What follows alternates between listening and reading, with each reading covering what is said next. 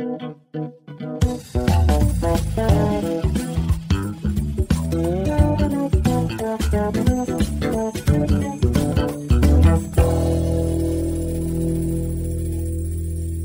الرئيسيين المعتمدين عليهم كتاب جاك بابان هو عالم كندي اللي هو Origin of AIDS صدر 2011 عن كامبريدج وكتاب Big Farms Make Big Flu بتاع روب والاس ده بيتكلم على الفيروسات إنفلونزا الخنازير وانفلونزا الطيور والإيبولا.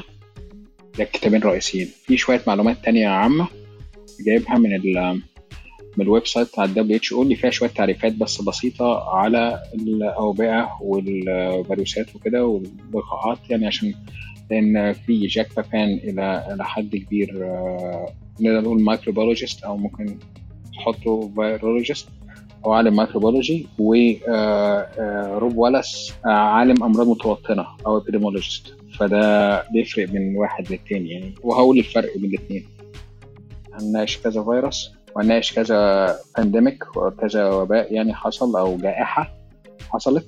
آه مثلا في آخر 20 سنة مثلا انتشرت فيروسات كتير جدا جدا في العالم. يعني إحنا مثلا لو بصينا من أول ال SARS-CoV 1 اللي هو اللي هو السارس اللي هو severe acute respiratory syndrome هنحاول نعرب المصطلحات على قد ما أقدر. السارس ده ظهر بين 2002 و 2003 كان في شرق آسيا.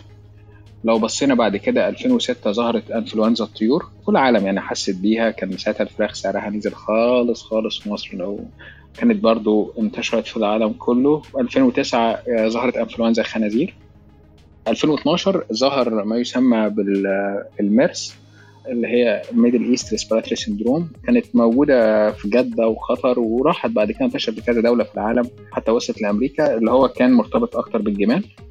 2014 ظهرت الإيبولا اللي هو كان من الفيروسات القاتلة جدا. كان في غرب أفريقيا في غينيا وسيراليون وليبيريا. سنة 2016 كان في فيروس تاني اللي هو الزيكا. اللي هو كان في أمريكا الجنوبية اللي هو كان فيه الأطفال اللي, بيتولدوا جديد كانوا دايما بيبقى رأسهم حالتهم يعني رأسهم غير مكتملة النمو. لو الناس فاكرة الفترة دي آه وكان في تحذير كتير قوي للسياح إن هم يروحوا أمريكا اللاتينيه والستات لو عايزة تبقى حامل أو حاجة زي كده. طبعا آخر واحد وهو آه اللي إحنا بنسميه كورونا بس هو اسمه العلمي سارس كوفيد 2 وده كان فيروس آه يعني زي ما شفناه كان جائحة معنى جائحة يعني عالمية. والإحصاءات مثلا في أمريكا لغاية الشهر آه آخر فبراير آه مليون مليون ومئة ألف أمريكي آه ماتوا من الكوفيد. مقابل إن أمريكا نفسها كل حروبها الحرب العالمية الأولى الحرب العالمية الثانية حرب كوريا حرب فيتنام حرب أفغانستان حرب العراق عدد الوفيات من الجنود الأمريكان لا يتعدى 750 ألف. فإحنا شايفين مثلا حاجة زي الكوفيد مثلا قتل كتير قوي من الأمريكان أكتر كتير قوي من من الحروب كلها اللي خاضتها أمريكا خلال القرن العشرين. لما جرى الإعلان عن كوفيد مثلا 11 مارس 2020 كان حالته مسجلة يعني يوم 11 مارس يعني إنها خلاص بقى على WHO قالت إنها جائحة عالمية كان 120 ألف إصابة وأقل من 5000 الرقم الرسمي المعلن لحالات الوفاة حاليا قارب يوصل ل 7 مليون. بس ده طبعا طبعا ده الحالات المسجلة. طبعا التقديرات بتوصل بتوصل الرقم ده ل 21 مليون واحد مصاب في العالم. وحاليا في 500 واحد بيموت في الولايات المتحدة نتيجة الوباء حتى الآن. ده برضو شيء مثير للاهتمام يعني. بس هو السؤال زي ما شفنا عدد أنواع الفيروسات اللي انتشرت في العالم من 2002 لغاية 2019 شفنا سبع أنواع فيروسات جديدة وشفنا ثلاثة منهم قاتلين. ده ليه أكيد ليه سبب. إحنا زي ما قلنا هن... هنناقش النهارده مين الكتابين يعني. آه روب والاس اللي هو Big Farms Make Big Flu و Dead Epidemiologists: On the Origins of COVID 19 هو روب والاس أستاذ كليه زراعة في جامعة مينيسوتا متربي في نيويورك Upper West مانهاتن بيتقال عليه pink diaper baby. يعتبر epidemiologist ال epidemiologist اللي هم علماء الأمراض المتوطنه بيسموهم المخبرين بتوع الأمراض أو ال disease detectives يعني. هم بيسألوا بقى كيف متى أين لماذا من؟ بيجاوبوا على كل الاسئله اللي بتتعلق بظهور المرض أو تفشي الوباء. زي مين المصاب أو الأعراض؟ كيف حدث ذلك؟ أين؟ مين أكثر ناس ممكن يتعرض للإصابة؟ مين أكثر ناس في الضرر ال virologist أو عالم الفيروسات ده اللي هو زي جاك بابان اللي هو كتاب اللي هو التاني اللي اللي هو ال origin of AIDS دول دايما بيكونوا بقى الناس اللي هم highly skilled medical expert بيبقوا دايما يعني دكاترة أطباء بيطريين ناس شغالة في المجال البحث الطبي. بيعملوا تشخيص وطرح لطرق العلاج على الدكاترة الممارسين العامين. كمان بيشوفوا أنسب بيقترحوا على الدكاترة أنسب مضاد فيروسات ال antiviral أو لقاحات عشان يعالجوا العدوى الفيروسية دي. الفيروسات هي كائنات حية دقيقة بعض أنواعها بتسبب أمراض قاتلة. هي بتقدر على مضاعفة أعدادها لما تكون داخل الخلايا المصابة. بتنقسم لنوعين DNA و RNA. والفيروسات بتعيش طورين. واحد خارج الخلية وواحد جوه الخلية. اللي جوه الخلية بيبقى عنده قدرة كبيرة جدا على التكاثر ونسخ نفسه وبيسيطر سيطرة كامله على الخلية. اللقاحات أو التطعيم دي مواد بتبقى تح... بتحتوي على كمية فيروسات. بتبقى نسبة من الفيروسات كمية صغيرة من الفيروسات أو البكتيريا. بيتم إضعافها. أو بروتينات بتبقى شبه الفيروسات أو البكتيريا بيتم خلقها في المعمل. بعد اللقاحات بتكون حية وبعدها بتكون ميتة. لما الإنسان بياخد اللقاح جهاز المناعة عنده اللي هو يعتبر الجيش يعني بيكون أجسام مضادة للفيروسات أو البكتيريا دي. فلما يتعرض الجسم للعدوى الفيروسية أو البكتيريه بيقدر يقاومها لأن هو كون أجسام مضادة أو بقى معاه جيش يعني. اللقاحات قدرت على مر السنين إن تقلل أوبئة أو أمراض معدية زي الحصبة والسعال الديكي واتقضى على أمراض كتير زي شل الأطفال والجدري دي بس كانت مقدمة شوية تعريفات بسيطة مقدمه بالناس اللي هنتكلم عليهم النهارده اللي كانت هنتكلم عليهم في الكتاب. صباح الخير مساء الخير على حسب توقيت كل حد فيكم. اولا لو حد فاكر إن أنت هتتكلم على تاريخ كل الأوبئة وتاريخ كل الفيروسات واكتشاف اللقاحات على مدار مئات السنين في مجرد قعدة واحدة فأنت غلطان. الموضوع سري جدا ومتشعب. وداخل فيه سياقات كتير ولكن هو بالأهمية بما كان إن على الأقل نبقى عارفين عالم الفيروسات والأوبئة ده ماشي إزاي هل كل الفيروسات مضرة؟ إيه الفرق بين الفيروسات والبكتيريا والبارازايتس والفنجاي؟ تاريخ ظهور اللقاحات وتاريخ الفيروسات بشكل عام زي ما قال أحمد الإنجازات الإنسانية والتطور العلمي اللي مكننا إن إحنا نهزم بعض الفيروسات ولسه في طريق النجاح للنيل من فيروسات أخرى. أشهر الأوبئة اللي صابت العالم كله سواء في أماكنها أو في عدد الضحايا من وفيات أو من تشوهات. وكمان السياقات الزمنية المختلفة اللي أثرت على كل فيروس وكل وباء من دول لأن ده مهم. كل فيروس وكل حدوتة بيبقى ليها سياقات سياقات ليها علاقة بالسياسة ليها علاقة بالاقتصاد. هتتفاجئوا إن أوقات كان ليها علاقة بالجغرافيا والطقس. الحروب حاجات كتيرة جدا كانت بتتفاعل بشكل طردي وبشكل ديناميكي كده مع الفيروس. مش كل الفيروسات كانت هتأدي بنفس النتائج لو كانت العوامل دي مش موجودة. أنا شخصيا مش متبني أي نظرية من نظريات المؤامرة ولكن أنا متبني إن في بعض الأوقات في حقب زمنية تاريخية معينة أو في أماكن معينة من العالم ده كان في تخاذل أو تقدروا تقولوا كان في نوع من أنواع التحجيم ضد صد أذى الفيروسات. طيب خليني أبدأ أشارككم بس بكلمة الكاتب أمريكي اسمه أندرو سيلفيون. إن زي ما ال trauma ممكن تصيب الأفراد هي برضه بتصيب المجتمعات. وال trauma بتاعت المجتمعات وبتاعت الدول هي الأوبئة. الأوبئة اللي بتدفع المجتمع أو الدولة غصبا عنها إنها تعالج أنظمتها الاقتصادية والسياسية وحتى الاجتماعية بشكل مختلف تماما بعد الجائحة. ده شفناه كتير. حضرنا بعضه زي أيام الكوفيد. والنهاردة هنشوف قد إيه فعلا الأوبئة كان ليها دور كبير في تغيير نسيج مجتمعي أو سياسي أو حتى حربي. من أكتر التوصيفات اللي فعلا وصفت الأوبئة والفيروسات هي إنها فعلا تروما للمجتمعات. الحقيقة مش بس كده. عمليا الحياة بقت عبارة عن رحلة دائمة إنجاز التعبير من الهروب من قبضة الفيروسات المميتة. الإنسانية بقت بتطلع من فيروس أو من وباء وبتلاقي نفسها على طول بتواجه وباء. ممكن يكون أكتر شراسة وممكن يكون أكتر تطور وكمان ممكن يكون لأول مرة يقابله الإنسان. ده بقى عملية مستدامة وعملية دائمة والإنسان دايما والتطور العلمي بتاعه بيخليه دايما على أهبة الاستعداد إن هو يواجه ده. قبل ما نخش في في الأوبئة والفيروسات حابب بس إن أنا أقول لكم شوية نقط المفروض إن إحنا ناخد بالنا منها وإحنا بنتعامل مع أي فيروس أو مع أي رقم. أعداد الضحايا سواء كانت وفيات أو سواء كانت مصابين مهمه نسب هذه الأعداد من ال total population برضه مهمه ال R zero لكل فيروس ودي معناها اللي هي تقدروا تقولوا إن هو figure بي express ال average number of infected cases per single infected individual.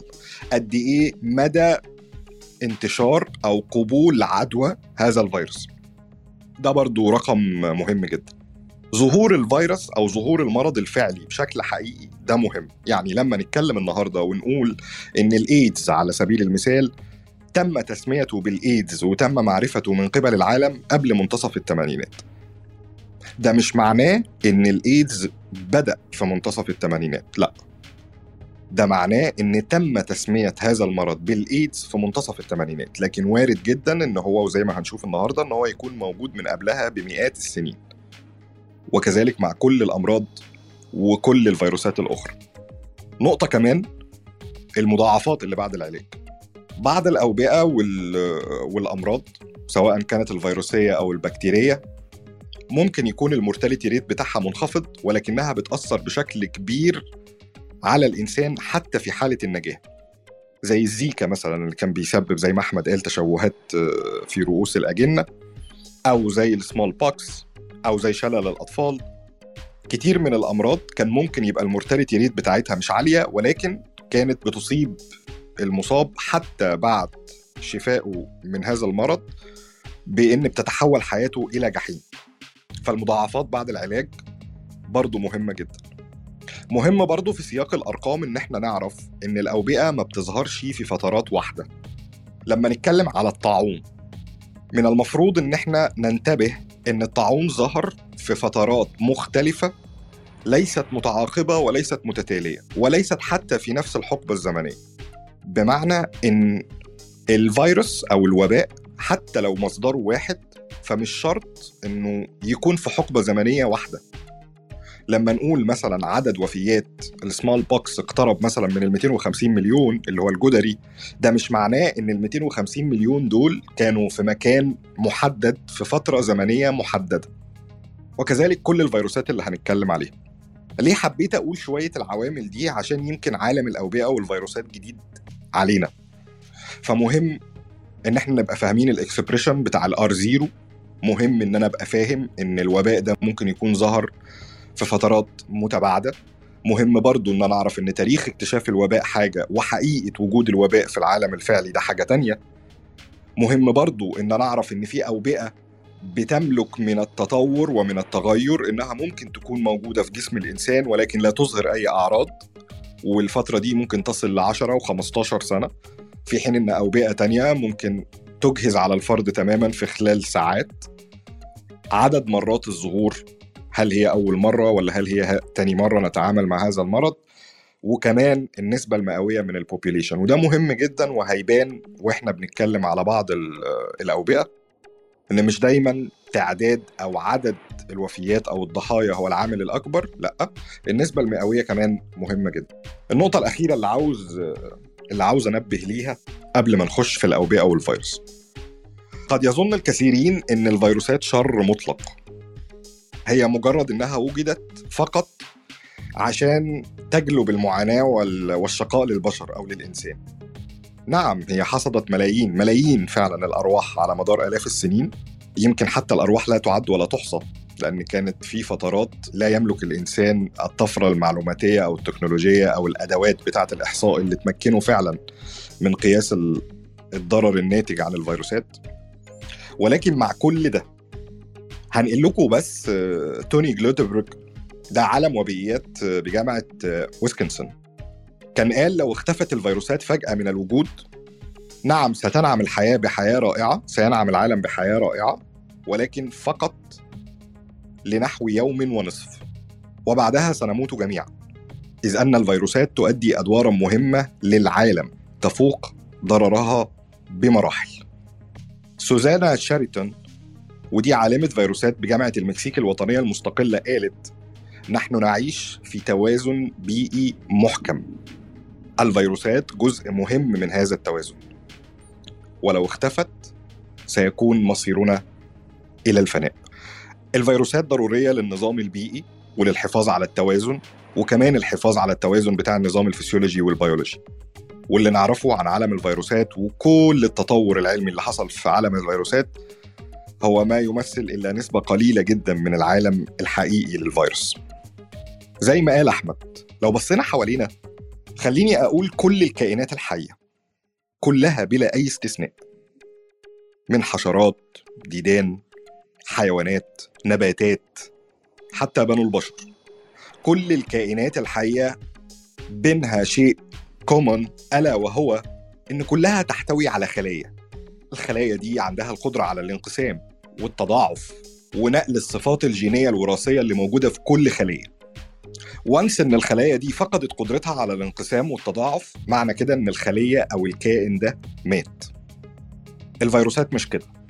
الفيروسات ببساطة لا تتكاثر لا تنتج الطاقة لا تولد بروتينات. الفيروس لا هو كائن حي ولا هو كائن ميت. أحجام الفيروسات متناهية الصغر. لدرجة إن في كتير من من المهتمين بمجال الفيروسات والبكتيريا بيقولوا انه لو كانت البكتيريا تملك أعين لما رأت الفيروسات. من كتر ضآلة حجمها وصغرها. و by the way كلمة فيروس في الأصل هي كلمة لاتينية وهي تعني في المعجم اللاتيني السم السائل. ليه؟ لأن إحنا لغاية وقت قريب وده المفاجئ لغاية وقت قريب جدا أقل من 100 سنة لغاية سنة 1935 إحنا كانت كل معلوماتنا عن الفيروسات إن هي سوائل سامة.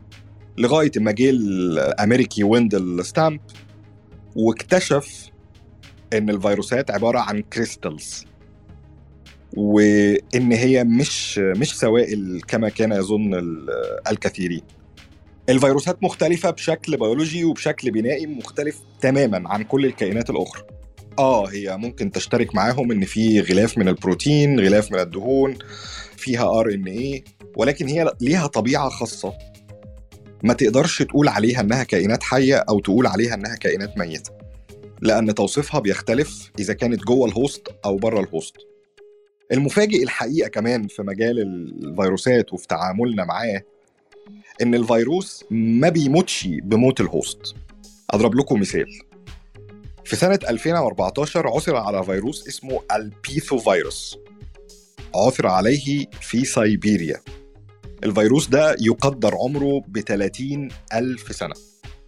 وحتى الآن ما زال هذا الفيروس يهاجم الأميبا وموجود. وفي منه عينات في مختبرات ومعامل سرية في الاتحاد السوفيتي أو في روسيا حاليا. اللي عاوز أقوله إن الفيروس حتى لما بيتمكن من دخول الهوست هو بيقدر وهو جواه إن هو يتكاثر وإن هو يطبع الصفات الوراثية بتاعته للخلايا الحية اللي موجودة بس حياته ما بتنتهيش بانتهاء الهوست كل دي معلومات حبيت إن أنا بس اشارككم فيها في تعاملنا مع الفيروسات عشان خاطر بشكل مبسط يبقى عندنا ولو حتى فكرة إن الفيروسات غيرها غير البكتيريا إنها مختلفة إن في بعض الأرقام بأهمية بمكان إن إحنا وإحنا بنتعامل مع الفيروس إن إحنا نبص عليها الأوبئة اللي مرت على التاريخ الإنساني متعددة يعني يمكن يكون لا حصر لها. هديكوا بعض الأمثلة. ال smallpox الجدري الحصبة Black Death اللي هو الطاعون ال Spanish flu الإيدز الكوفيد 19 ال SARS ال MERS الإيبولا الزيكا الكوليرا الملاريا.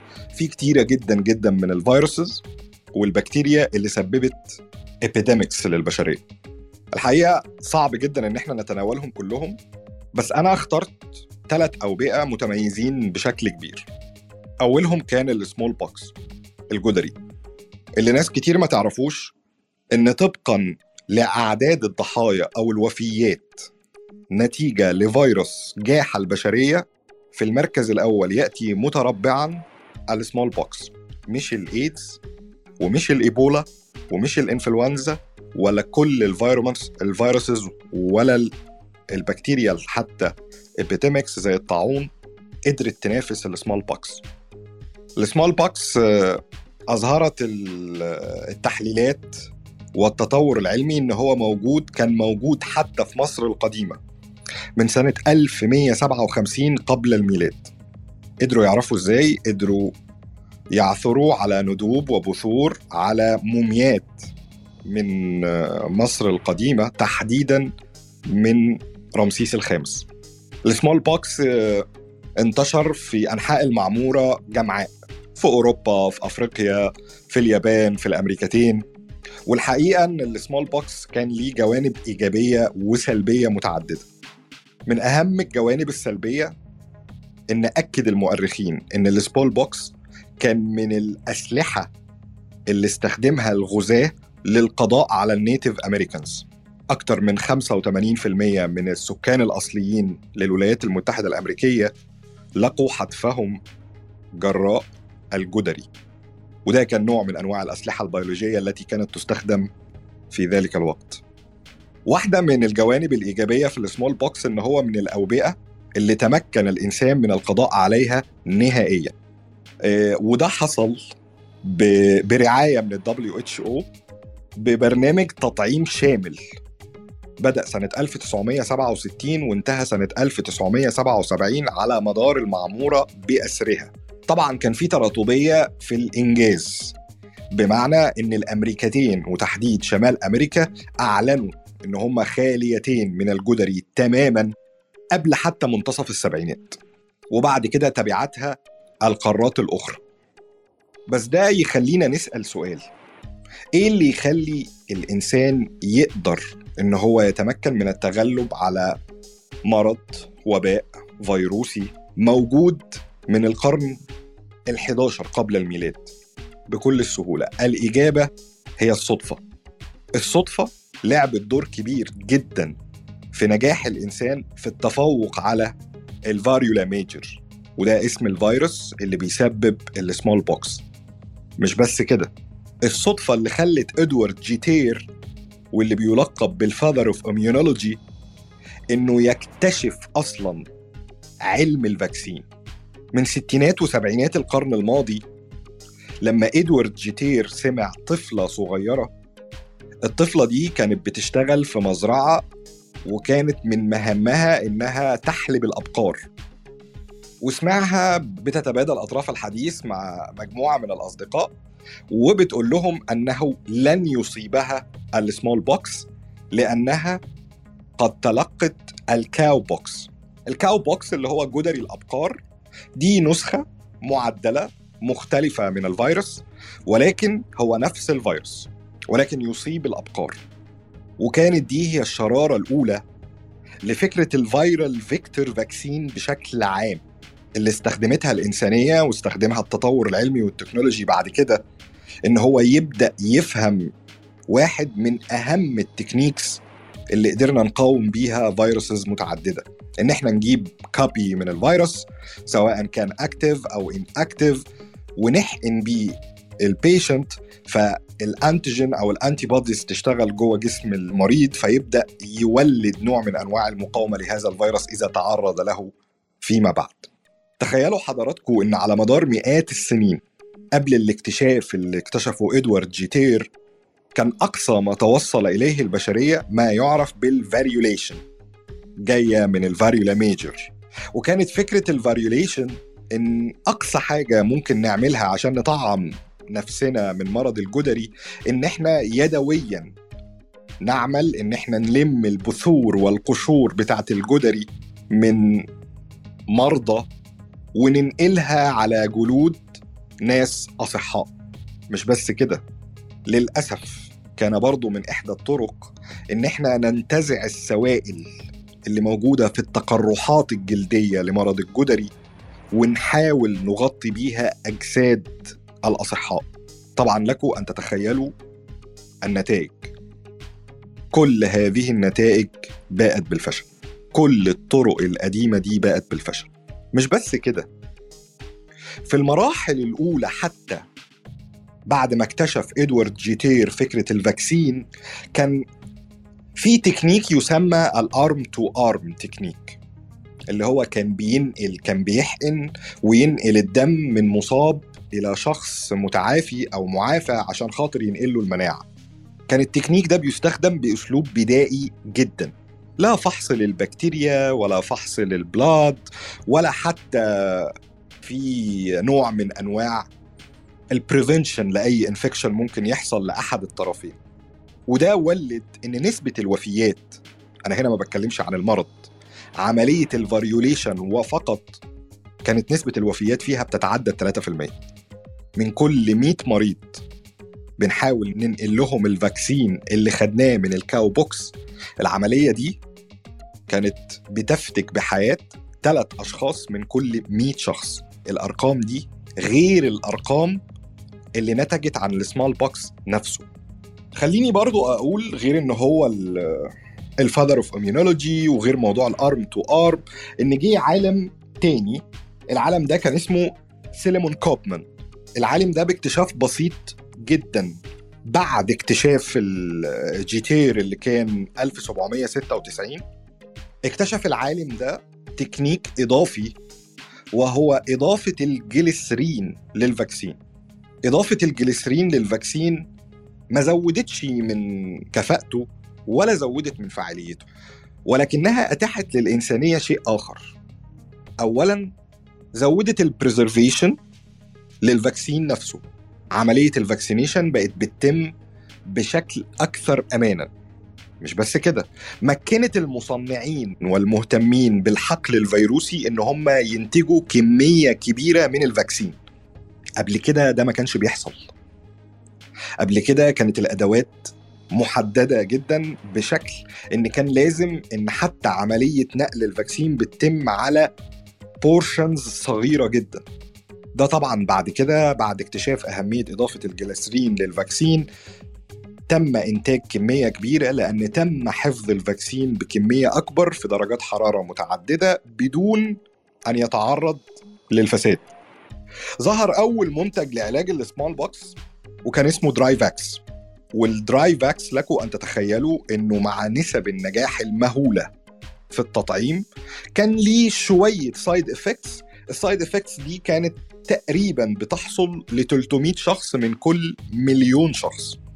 وبناء على البحوث العلمية والتطور الطبي قدرنا نوصل إن ال side effects بتاعت ال Dryvax كان سببها إن بيتم حقن active form من الفيروس. فلو قدر العلماء إن هم يحقنوا inactive form من الفيروس هيقدروا يتخلصوا من ال side effect بتاعة ال vaccine وده اللي حصل فعلا في 2003 ب trade name اسمه Imvanex أو Imvanex ال Imvanex دلوقتي متوفر. العديد من دول العالم ومن قارات العالم أعلنت خلوها تماما من السمال بوكس السمال بوكس حاليا بقى تقريبا من الماضي. أكتر فيروس حمل شقيه الإيجابي والسلبي. السلبي منه إن كل التقارير بتأكد إن الجدري كان الفيروس الأكثر فتكا بالإنسانية من حيث عدد الوفيات اللي وصلت في بعض التقارير ل 300 مليون نسمة. خلي بال حضراتكم أنا بتكلم على 300 مليون نسمة حتى منتصف القرن ال 18 فلكم أن تتخيلوا ال contribution بتاع ال population اللي عانى من جراء الجدري. آخر حاجة وآخر معلومة هقولها على ال smallpox إن ال R zero بالنسبة له بي equal 6 بمعنى إن كل مريض جدري كان بيحمل كفاءة إنه يعدي ست أشخاص آخرين. الرقم ده عالي جدا. يعني مقارنة مثلا بال COVID ال COVID كان الرقم بالنسبة له هو 2.5 وكلنا شفنا قد إيه ال spreading لل COVID في فترة قصيرة جدا.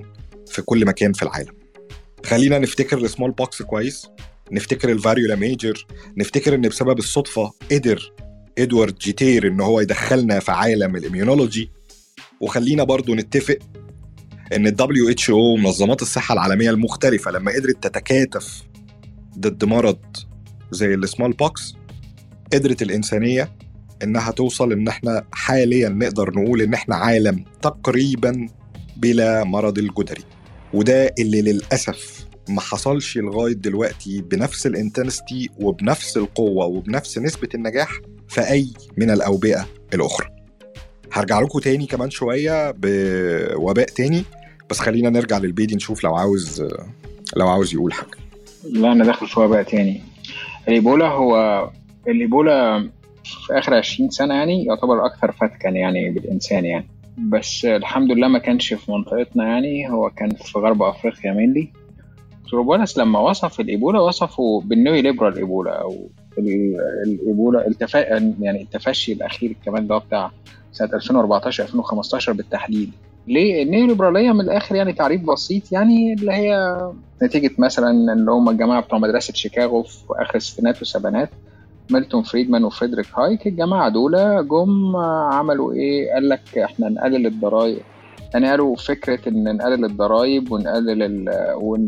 ونعمل خصخصة والكلام ده اللي هو منتشر حاليا في العالم العربي عامة. نقلل الضرايب ونقلل ال... ونعمل خصخصة على الشركات الكبيرة نقلل الضرايب على الشركات الكبيرة والأشخاص الأغنياء. عشان دول لما لما بنقلل الضرايب عليهم بيحصل ما يسمى بنظرية الانسياب أو ال trickle down effect والجماعة دول هيستثمروا في البلد و... وفعلا اللي حصل الجماعة دول اغتنوا اللي هم رجال الأعمال والشركات الكبيرة. بس بدل ما بيستثمروا في البلد بتاعتهم بيستثمروا في بلاد تانية. هي بلاد اللي بتديهم مزايا ضريبية وبتديهم مثلا عمالة رخيصة مثلا. فهو كان في فيلم حلو قوي سنة 95 اسمه Outbreak أو تفشي الوباء. كان بطولة داستن هوفمان و... ومورجان فريمان ومعاهم ريني روسو. كان متاخد عن رواية اسمها Hot Zone هي رواية كده يعني متخيلة إن هو تنبؤ بتفشي وباء شبه الإيبولا في أفريقيا. بس الإيبولا نفسه موجود من السبعينات من أول السودان لحد غرب وسط أفريقيا. كان بيتسمى دايما بحمى الإيبولا أو نزيف الإيبولا وغالبا بيبقى خطر نسبة الوفاة أو ال mortality rate كنت عاوز أقول إن تسميته أصلا في نهر في أوغندا اسمه نهر الإيبولا. زائير في الكونغو في الكونغو. آه في الكونغو. والزيكا كانت غابات في أوغندا. أنا بس حابب الناس برضو تبقى عندها المعلومات السريعة دي عشان تعرف سر تسمية الإيبولا بالاسم ده والزيكا كمان بالاسم ده. آه ف هو نسبة الوفيات منه أو ال mortality rate كان من 25 ل 90% حسب كل تفشي بيبقى شكله إزاي. هو غالبا قاتل في تفشي 2014 2015 واحد من كل ثلاثة كانوا بيموتوا. بينتقل الإنسان عن طريق الحيوانات البرية. أول تفشي كان في سنة 76 في بلد اسمها نزارة في السودان ويابوكو في زئير اللي هي الكونغو الديمقراطية حاليا اللي عاصمتها كنشاسا وكان زي ما قال إسلام كان جنب نهر اسمه إيبولا فاتسمى إيبولا اللي هو كان في الكونغو الديمقراطية في مارس 2014 كان في تفشي لفيروس الإيبولا غرب أفريقيا وكانت تفشي الوباء ده كان معقد جدا وتسبب في زي ما قلنا في أكبر حالات وفاة. ابتدى في غينيا وعبر الحدود البرية انتقل لسيراليون وليبيريا.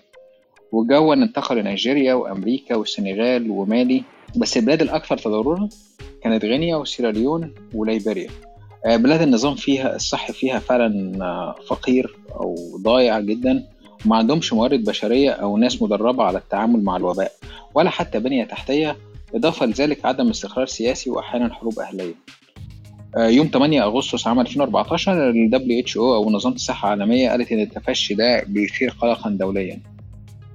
في نوع من خفيش الفاكهة هي دي المضيف الطبيعي أو اللي بيسموه الناتشرال ريزرفوار للفيروس. وبينتقل الفيروس عن طريق ملامسة دم الحيوانات المصابة أو إفرازاتها أو سوائل أخرى يعني بتخرج من جسمها. بينتقل الإنسان عن طريق لمس دم الحيوان المصاب ده أو إفرازاته أو سوائل أخرى يعني بتخرج من جسمه وبينتقل من إنسان لآخر عن طريق لمس الدم الانسان مصاب وكتير كتير جدا في التفشي ده آه، من الناس اللي شغالة في مجال الرعاية الصحية ممرضين أطباء صيادلة وغيرهم اللي هم كانوا بيقدموا خدمة علاجية كان بيتصابوا وبيموتوا انه ما فيش تطبيق صارم للاجراءات الاحترازية لتجنب العدوى. وحتى الناس اللي كانوا بيأدوا مراسم الدفن للناس المصابة بمرض إيبولا كان بيتصابوا. وكان على فكرة ال WHO بيعتبرهم أبطال يعني في الوقت ده. اللي حصل في الإيبولا في تغيرات إيكولوجية وبيئية نتيجة الاستثمار الأجنبي من دول غربية في مجال الزراعة. المحصلة في تفشي 2014 2015 27000 واحد مواطن مصاب و11000 وفيات يعني أكثر من 30% وكانت جثث الضحايا مرميه في عواصم أفريقية زي مونروفيا أو كوناكري في غينيا. مونروفيا اللي هي ليبيريا. البنك الدولي كان دايما بيصف منطقة الغابات السافانا في غرب أفريقيا إنها أكبر أرض صالحة للزراعة وبتحتوي على 60% من الأراضي الصالحة للزراعة عالميا. وممكن تستغل عشان تعمل نهضة اقتصادية. وهنا بالذات هنتكلم على زراعة شجر النخيل استخراج زيت النخيل اللي بيتم تصنيعه أو تكريره بعمليه ال refining وبيستخدم في صناعات بقى زي الأغذية زي مستحضرات تجميل أو منظفات وغيرها. وهو سوق واعد. آه، مزارع زيت النخيل بتغطي 17 مليون هكتار حوالين العالم. آه، ده طبقا للفاو أو اللي هي منظمة الغذاء والزراعة العالمية. معظم إنتاج زيت النخيل بيكون في إندونيسيا وماليزيا وتايلاند اللي هي. اللي هي منطقة استوائية برضه جنب خط الاستواء والأراضي الباقية الصالحه للزراعة موجودة في حوض نهر الأمازون أو حوض نهر الكونغو. ودي فيها أكبر آه، غابات استوائية في العالم أو ما يسمى بال rain forest يعني. وهي دي رئة العالم. وإنتاج زيت النخيل الأحمر وغيرها موجودة من زمان جدا من قديم الأزل في غرب أفريقيا. مع تطور الزراعة والصناعة تم إحلال الزيوت القديمة بزيوت مختلطة ال hybrid يعني. المنطقة معروفة بزراعة مثلا القهوة والكاكاو والذرة والكركديه ونبات تاني اسمه الكاسافا عامل زي البطاطس كده. التفشي ده نبص وراه هنلاقي فيه شركة اسمها سوجي باك أو الشركة الغينية لإنتاج الزيوت زيوت النخيل والمطاط الشركة دي بدأت سنة 87 بإنتاج زيوت النخيل المختلطة. لاستخدامها في أغراض تجارية زي ما قلنا للتجميل آه، في مجال الأغذية وكمنظفات يعني. في 2006 آه، الشركة دي قامت باستغلال الأراضي الزراعية وسرعت عملية التصنيع عن طريق استخدام طواحين جديدة بدعم من ال European Investment Bank. في منطقة اسمها جويكيدو في غينيا آه وهي يعتبر منطقة الصفر أو ground zero لتفشي وباء الإيبولا. المنطقة دي عبارة عن قرى جنب بعض بجانب منطقة تصنيع زيت النخيل التابع لشركة سوجي باك شركة غينية لصناعة زيت النخيل.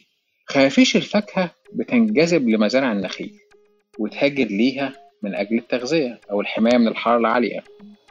وفي مدينة تانية اسمها ميلياندو برضو تعرض يعني كان فيها طبعا تعرض للإنسان كبير قوي مع خفافيش الفاكهة. في شركة تانية مستثمرة جنب قرية اسمها دابولا وقرية تانية اسمها كونيندا. ودي تبع شركة اسمها Farm Land of Guinea والشركة دي مقرها نيفادا في أمريكا. ومدعومه من استثمارات بريطانية مع حق انتفاع لمدة 99 سنة ل 9000 هكتار ودي كانت بؤرة تانية. كلمة السر في انتشار الإيبولا هو ما يسمى بال agribusiness مع ال deforestation ال agribusiness اللي هو ال business الزراعي مع ال deforestation اللي هو إزالة الغابات الاستوائية. الغابات الاستوائية دي هي المكان الطبيعي لخفافيش الفاكهة. فلما تزيل الغابات الاستوائية عشان تزرع النخيل خفيش الفاكهة دي بتتنقل من الغابات الاستوائية اللي تم إزالتها واستغلال أخشابها لمناطق تصنيع زيت النخيل الجديدة اللي زي ما قلنا كذا قرية أو كذا مكان بتبقى جنب القرى اللي عايشين فيها البني آدمين. بيحصل ما يسمى بالزوناتيك سبيلوفر بيحصل انتشار. فليه السد الطبيعي اللي كان بين الإنسان والحيوان المضيف اللي زي خفيش الفاكهة بيبقى انهار خلاص. فطبيعي الإنسان بيبقى معرض كتير قوي آه، خفافيش الفاكهة في حالة الإيبولا بالتحديد. الحمد لله كان في تطوير ل vaccine عملته شركة Merck الأمريكية Merck Sharp & Dohme التطوير ده كان نتيجته إن كان قبل حتى انتشار الوباء ده كان آه، ال vaccine ده كان اسمه Ervebo. آه، ده حل مشكلة كبيرة جدا لأن الوباء ده لو كان بقى جائحة pandemic زي الكوفيد لا كان نسبة الوفيات منه هتبقى قاتلة جدا. فده ده الإيبولا ده نتيجة ما يسمى بال deforestation أو إزالة الغابات الاستوائية عشان يزرعوا النخيل ويستغلوا الأخشاب بتاعة الغابات دي. والخفافيش اللي هي كانت بتستخبى في الغابات الاستوائية دي راحت لمزارع زيت النخيل الجديدة اللي جنب البني آدمين ومن هنا الاختلاط بين خفافيش الفاكهة والحيوانات أو الأبقار أو الماشيه اللي كانت موجودة عند الناس دي اللي بتمتلكها البشر والبشر بقى عادي جدا والسد المناعي اللي كان موجود طبيعي راح. ومن هنا ظهر الإيبولا. ده اللي ذكره روب والاس في الكتاب اللي هو Big Farms Big Flu بيشرح ليه الايبولا ده نتيجة النيوليبرالية بالتحديد. آه المايك معاك إسلام. طيب يا جماعة إذا كان الإيبولا سببه هو إزالة الغابات الاستوائية وإزالة العائق ما بين الإنسان وبين الخفافيش. إذا كانت النيوليبرالية لعبت دور في ده. وقبلها في ال smallpox فكرة إن ما كانش أصلا علم ال immunology كان موجود وكان الكلام ده في منتصف القرن ال 18 وكانت الأساليب بدائية جدا أدت لانتشار الوباء هي اللي خلتنا نشوف الضحايا دي كلها. طب يا ترى إيه السبب؟ في موت ما يناهز أكتر في بعض التقارير من 150 مليون نسمة في سنتين بس. 1918 1919 أصيب العالم بفيروس. هو مش بس كان أكتر عدد وفيات في أقل عدد سنوات ولكن أيضا هو فتك بما يقارب من 25 وفي بعض التقارير ل 30% من سكان الكرة الأرضية. يعني تخيلوا حضراتكم لو بنقول الأرقام دي على وضعنا الحالي يعني ما يناهز من واحد ونص لاتنين مليار نسمة. أهلا بيكو في الإنفلونزا الإسبانية. الإنفلونزا الإسبانية أطلق عليها ال forgotten pandemic الوباء المنسي. من أكثر الأوبئة اللي تعامل الإنسان معها برعونة شديدة. بإهمال وتعتيم إعلامي عالمي منقطع النظير. أي حد هيقرأ في الأنفلونزا الإسبانية هيكتشف إن على مدار أقل من سنتين 1918 و 1919 يعني بعد 150 سنة من بداية علم الإميونولوجي وقف العالم مكتوف الأيدي وهو يرى جثث الشباب ملقاة في الشوارع. وهنا لما بقول الشباب نعم كان أغلب ضحايا الإنفلونزا الإسبانية من 20 ل 40 سنة.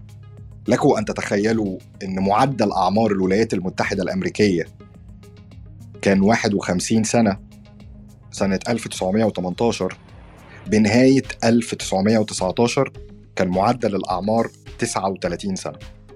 الإنفلونزا الإسبانية كانت الأكثر فتكا تناسبا مع عدد السنوات. قيل إن اللي ماتوا نتيجة الإنفلونزا الإسبانية في أول 25 أسبوع فقط بيتخطى اللي ماتوا جراء تعرضهم للإيدز في 25 سنة. متخيلين الأرقام؟ شكلها عامل إزاي؟ الشباب في الإنفلونزا الإسبانية كانوا بيموتوا خنقا. ذكرت بعض التقريرات إن كان الشباب بينام وهو في حالة صحية جيدة وما كانش بيقوم من نومته. كان بيموت وهو نايم بدون أي جرس إنذار. الإنفلونزا الإسبانية هي viral infection كان بيصيب الجهاز التنفسي. وفكرة إنه كان بيصيب الشباب من الأعمار من 25 ل 40 سنة دي كانت داعية لفضول الكتير والكتير من العلماء. بعد كده عشان يعرفوا كان إيه السبب وراحت نظريات كتير لأن ممكن يكون مثلا الناس اللي أكبر في السن تعرضت لفيرجن آخر من الفيروس وهم صغار السن فده سبب لهم نوع من أنواع الحماية. راحت نظرية تانية اتكلمت على ال cytokine storm إن الشباب لما بيبقى مناعتها قوية فلما بيكون ال infection بشكل قوي جدا على جزء very localated أو located زي الرئة فده بيسبب إن الجهاز المناعي بيفرز السوائل الطارده للفيروس بس بيفرزها بشكل أكتر من الحاجة إليه وطبعا مع مقاومة الفيروس لده كان ده بيسبب الاختناق للبشر. كان مهم جدا إن أنا أقول المثل بتاع الإنفلونزا الأسبانية لأن هو بناء على ال CDC اللي هو Center of Disease Control and Prevention الإنفلونزا الإسبانية قضت على ما يقارب ال 150 مليون شخص في خلال سنتين فقط. و by the way جدير بالذكر إن إحنا نقول إن الإنفلونزا الإسبانية ما بدأتش في أسبانيا ولا كان في عالم أسباني مثلا ليه دور أو كان في أي مرحلة من مراحل تطور المرض أو حتى اختفائه. ليها علاقة بإسبانيا. بس سر تسميتها بالإنفلونزا الإسبانية كان ليه سبب آخر. إن في سنوات 1918 و 1919 كان يعج العالم بالحرب العالمية الأولى. تخيلوا حضراتكم إن الحكومات عتمت بشكل كامل عن الفيروس. ما كانتش بتقول الأرقام ولا بتعلن ولا حتى بتتنبأ ولا حتى بتعترف إن في فيروس بيصيب العالم الآن. وكل ده حرصا منهم فقط على معنويات الجنود. لكم أن تتخيلوا إن أسبانيا بصفتها كانت دولة محايدة في ذلك الوقت نسب إليها المرض لسبب بسيط لأنها كانت الدولة الوحيدة في المجتمع الأوروبي التي كانت ترصد حالات الوفاة. في حالة الإنفلونزا الإسبانية كانت جثث الشباب في الشوارع وفي البيوت. مش بس كده.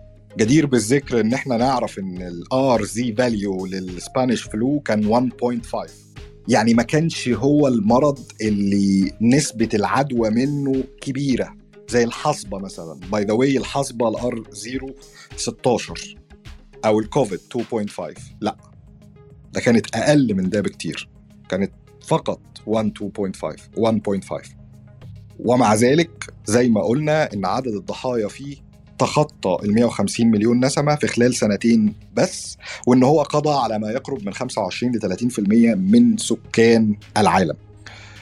جدير بالذكر برضو إن إحنا نقول إن الإنفلونزا الإسبانية قضت على ما يقارب 17 مليون شخص في الهند فقط. وكان ده بيمثل تقريبا من 4 ل 5% من تعداد سكان الهند في الوقت ده. تخيلوا حضراتكم إن في خلال سنتين بس يفقد مجتمع أو دولة ما يناهز الخمسة في المية من شباب هذه الدولة. أو إن يقل المتوسط الأعمار للمجتمع كله زي ما كان في المجتمع الأمريكي من إن معدل الأعمار يكون 51 سنة إلى إنه يهبط ل 39 سنة. آخر معلومة حابب إن أنا أقولها عن الإنفلونزا الإسبانية إن هي أول ما ظهرت أو ال patient zero كان أمريكي الجنسية وكان من ولاية كانساس في أمريكا. كان اسمه ألبرت جيتشل وده كان من الجنود في الجيش الأمريكي في الحرب العالمية الأولى. تخيلوا حضراتكم إن جندي واحد وفقط رجع من الحرب العالمية الأولى ودخل الأراضي الأمريكية تسبب في خلال سنتين إن متوسط معدل الأعمار للقارة الأمريكية أو للولايات المتحدة الأمريكية ينزل من 51 سنة ل 39 سنة في خلال سنتين وفقط.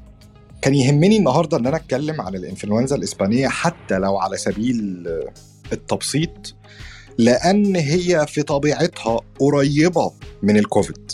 مرض تنفسي كان معدل الإصابة به متسارع تقريبا نفس الأعراض زيادة في درجات الحرارة سعال كحة. حتى ال R zero متقارب. الكوفيد كان 2.5 والإنفلونزا الإسبانية كانت 1.5 ومن هنا أفتكر إن ده ممكن يكون أكبر مثل قدامنا لمدى الدور اللي لعبته الهيئات العالمية الطبية سواء كان healthcare providers أو علماء أو الآلة العلمية اللي أدت ل... لسرعة إنجاز أو اكتشاف ال vaccine في فترة الكوفيد 19 بإن عدد الوفيات في الكوفيد 19 كان ممكن أن يتضاعف لو لم تكن هذه الطفرة العلمية موجودة. عامل تاني. لما أنا بقول النهارده الطفرة العلمية والطفرة التكنولوجية أنا لا أقصد فقط المتعلقة بمجالات العلوم والاميونولوجي وال... والاكتشافات الطبية. لا حتى فيما له علاقة بالثورة المعلوماتية أو التكنولوجية لابد أن يؤخذ في عين الاعتبار. لماذا؟ كلكم تفتكروا حضراتكم ال working from home قدرة الشركات والموانئ والمطارات والدول والاقتصاديات على أن تغلق أبوابها للموظفين، كان الموظفون يعملون من المنزل. كل ده ما كانش available في 1918 و 1919. ما قدرتش الدول ولا اقتصادات الدول إنها تمنع سكانها أو شعوبها من إن هم يعرضوا حياتهم لويلات الوباء. في الفترات دي من التاريخ الإنساني لم تكن الدول تجرؤ حتى في ظروف الحرب إنها تنقل الأوضاع والأرقام والتقارير الحقيقية لمدى حجم التلف والضحايا اللي بيصيب سواء الجنود اللي موجودين على ساحة المعركة أو حتى سواء للمواطنين اللي موجودين في منازلهم. يبقى عرفنا إن لما ال smallpox كانت الذريعة إن لم يكن الطب أو التكنولوجيا أو التطور أو علم الجينات أو علم ال virology أو ال vaccines وصل بين أيدينا فلم نتمكن من مواجهة المرض فهذا ليس هو السبب الوحيد. زي ما قال أحمد الايبولا يعتبر مرض حديث مش مرض جديد. ومع ذلك ساهمت النيوليبرالية أو ساهمت الآلة الرأسمالية أو ساهم الاستعمار قل ما يقل في نزع الغابات الاستوائية واللي أزالت الحاجز البيولوجي الطبيعي بين خفافيش الفاكهة وبين الإنسان وظهرت الإيبولا. في حالة الإنفلونزا الإسبانية كانت الحرب الحرب العالمية الأولى. الحرب العالمية الأولى اللي كان كل عدد ضحاياها بمدافعها بدباباتها بطيرانها بمقاتليها كان 6 مليون. التغافل فقط عن أخذ الاحتياطات الآمنة والخطوات الصحية المطلوبة حفاظا على الشعوب كلف العالم ما يقارب من 150 مليون حالة وفاة. وحاولت بشيء من التبسيط إن أنا أوصل لحضراتكم في حالة الإنفلونزا الإسبانية تحديدا مقدار سرعة تدهور الحالة إنها كانت حالة الوفاة بتحصل في خلال ساعات. طبعا لا كانت الماسكات متوفرة ولا كان الجهاز الطبي كامل ولا كانت المستشفيات مجهزة وفوق كل ده لم تكن العجلة الاقتصادية في ذلك اليوم تسمح بما يسمى بين قوسين working from home. إضافة إلى كل ذلك خوفا ومراعاة على مشاعر الجنود على الجبهة لم تعلن حتى الحكومات والدول عن تفشي هذا الوباء. كان من الممكن أن يكون عدد الضحايا في الإنفلونزا الإسبانية أقل من ذلك بكثير ولكن هذا لم يحدث. جدير بالذكر إن فكرة ال flu ظهرت في أماكن متفرقة في العالم في عدة دول. كان في ما يسمى بال Russian flu وهناك ما سمي بال Japan flu هناك ما سمي بال Chinese flu حتى كوريا فكرة ال flu أو فكرة ال upper respiratory viral infection كانت موجودة على فترات متباعدة لأسباب مختلفة ولكن كان أقواها وأشدها وطأة على الإنسانية كان الإنفلونزا الاسبانيه. حابب يا أحمد قبل ما أخش في الطاعون وفي الإيدز لو أنت عاوز تاخد ال Zika المايك free.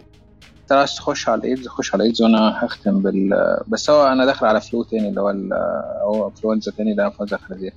اتفضل طيب قبل بس ما أخش على الإيدز عافانا وعافاكم الله يعني أنا في بس مرض أو وباء اقتبسته من بير من بره ال virology وهو الطاعون الأسود حابب إن أنا أقول المرض ده دلوقتي لأن هو تقريبا كان في نفس المكان نشأته كانت في أوروبا والطاعون برضو من الأمراض اللي بيتربع على قائمة الأوبئة المتسببة فيها البكتيريا وليس الفيروسات.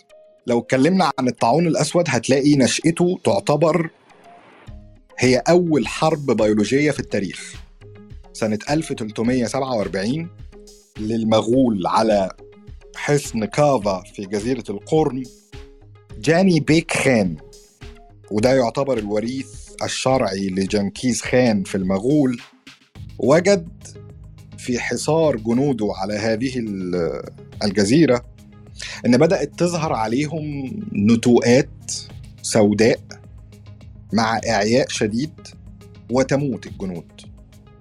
وهنا ظهرت برضو النزعة الإجرامية الإنسانية إن بدلا من حلول كتيرة كان ممكن يقوم بيها جاني بيك خان.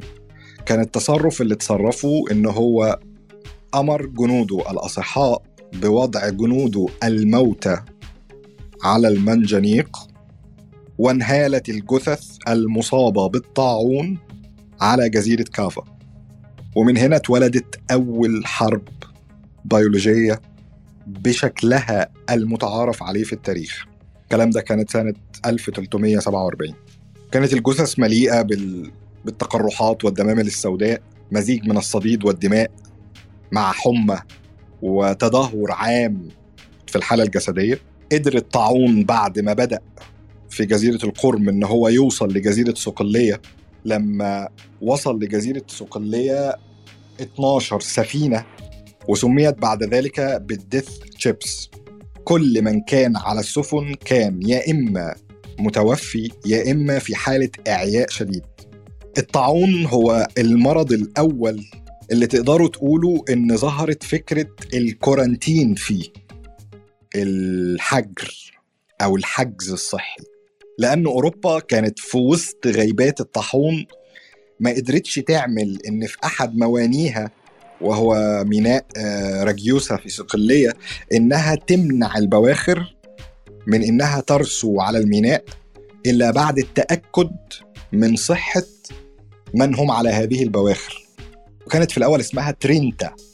كان الحجر لمدة 30 يوم. الباخرة الباخرة بعد ما توصل تفضل 30 يوم على الميناء لغاية قبل ما نتأكد إن كل ما عليها أصحاء. وبعد كده طلعت ل 40 يوم وابتكر فكرة ال quarantine أو الحجر الصحي. quaranta 40 quaranta بالظبط. كان اسمها quaranta 25% من أوروبا ماتت. أنا عارف إن الجملة تبان فيها مغالاة بس هي دي الحقيقة. 25% من الشعب الأوروبي مات جراء ال Black Plague اللي كان بيوصف ال Black Plague في كتبه كان بيقول إن حتى الجثث لما كانت بتموت كانت بتفضل في البيوت. لأن أهلها وأصحابها كانوا بيخافوا من العدوى فبيسيبوها حتى من غير دفن. الشعب الأوروبي في الوقت ده أصابه trauma عميقة جدا لدرجة إن هو بدأ يؤمن بالخرافات وبدأ يقول بما يسمى المياسمة المياسمة دي إن هو كان بيظن إن الطاعون بينتقل عن طريق الهواء الفاسد. عملوا أقنعة طبية. دلوقتي أي حد ممكن يخش يسرش يشوف الأقنعة الطبية كانت بتبقى على هيئة أقنعة لطيور بمنقار وكانوا بيحطوا جوه القناع أعشاب وعطور ونوع من أنواع القرفة والعسل عشان خاطر ينقوا يحاولوا تنقية الهواء الداخل إلى صدورهم. لكم أن تتخيلوا من الإحباط أن لندن لما عرفت أن الطاعون بدأ يصل إليها لا بدأت في في مقاومته ولا في محاربته ولا أي حاجة. بدأت في شيء تاني تماما ألا وهو بناء المقابر. ظهرت نظريات الخرافة وكمان اتولدت ظواهر المؤامرة. كان في عنف ممنهج شديد جدا ضد الأقليات والغجر والرومان والنساء وحتى اليهود. للدرجة اللي خلت آه، كليمنت السادس في 1348 وهو بابا الفاتيكان أن يصدر مرسوم رسمي ليعفي اليهود من مسؤولية الطاعون قائلا أنه ليس من المعقول أن يكون اليهود مسؤولون عن وباء يفتك بحياتهم هم أيضا. بدأت ظاهرة الفلاجلانس اللي هي ال- الضرب بالسياط. كان بيلف ناس على عواصم أوروبا والشعب كان بيتطوع حتى يضرب بالسياط ظنا منهم أنهم بذلك يتطهرون من الخطيئة. كان العلم محدود جدا في الوقت ده وكان الخوف أو الخوف والذعر في القارة الأوروبية بلا حدود. تخيلوا حضراتكم إن كان في عالم إنجليزي اسمه توماس فاكرسي أقصى ما قدر يتوصل إليه من علاج إنه كان بيجيب الدجاج المصاب بالطاعون ويضعه على جلد المريض. ظنا منه أنه بذلك سوف ينتقل المرض من المريض إلى الدجاجة. الطاعون أصاب كل شيء أصاب الحيوانات أصاب الإنسان. العدوى أماتت الإنسانية نفسها. مش بس كده. بعد ما ضرب الطاعون تقريبا كل الحيوانات من أبقار بقى ودواجن وماعز وخنازير حصلت أزمة صوف في القارة الأوروبية. وده اللي خلى القارة الأوروبية تعاني أكثر من شدة البرد وسوء التغذية والتغيير المناخي مما أدى إلى مجاعة كبيرة جدا في القرن ال 14 اللي سببت إن في تقارير وأبحاث حتى يومنا هذا بتقول إن أوروبا أو الشعب الأوروبي أكثر حساسية للأمراض اللي ليها علاقة بال autoimmune system أكثر من بقية القارات لما فعله الطاعون بها. الطاعون قلل أعداد الفلاحين وده اللي سبب إن بقت أجرة الفلاح في الدول الأوروبية أعلى واتنشأت طبقة جديدة قضت على الإقطاع وسميت بالطبقة المتوسطة. وبعد نزوح الطاعون وعندما حاول الأوروبيين أن هم يرجعوا الفلاحين لأوضاعهم القديمة قامت ثورة الفلاحين في لندن 1938 أغلب النخب الدينية المعتبرة في أوروبا ماتت.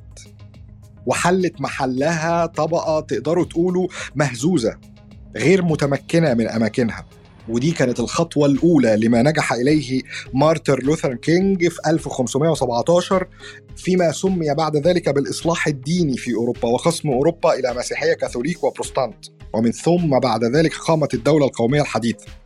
حتى قيام الحرب العالمية الأولى والثانية والفاشية وهتلر كان ليها جذور ليها علاقة بالطاعون.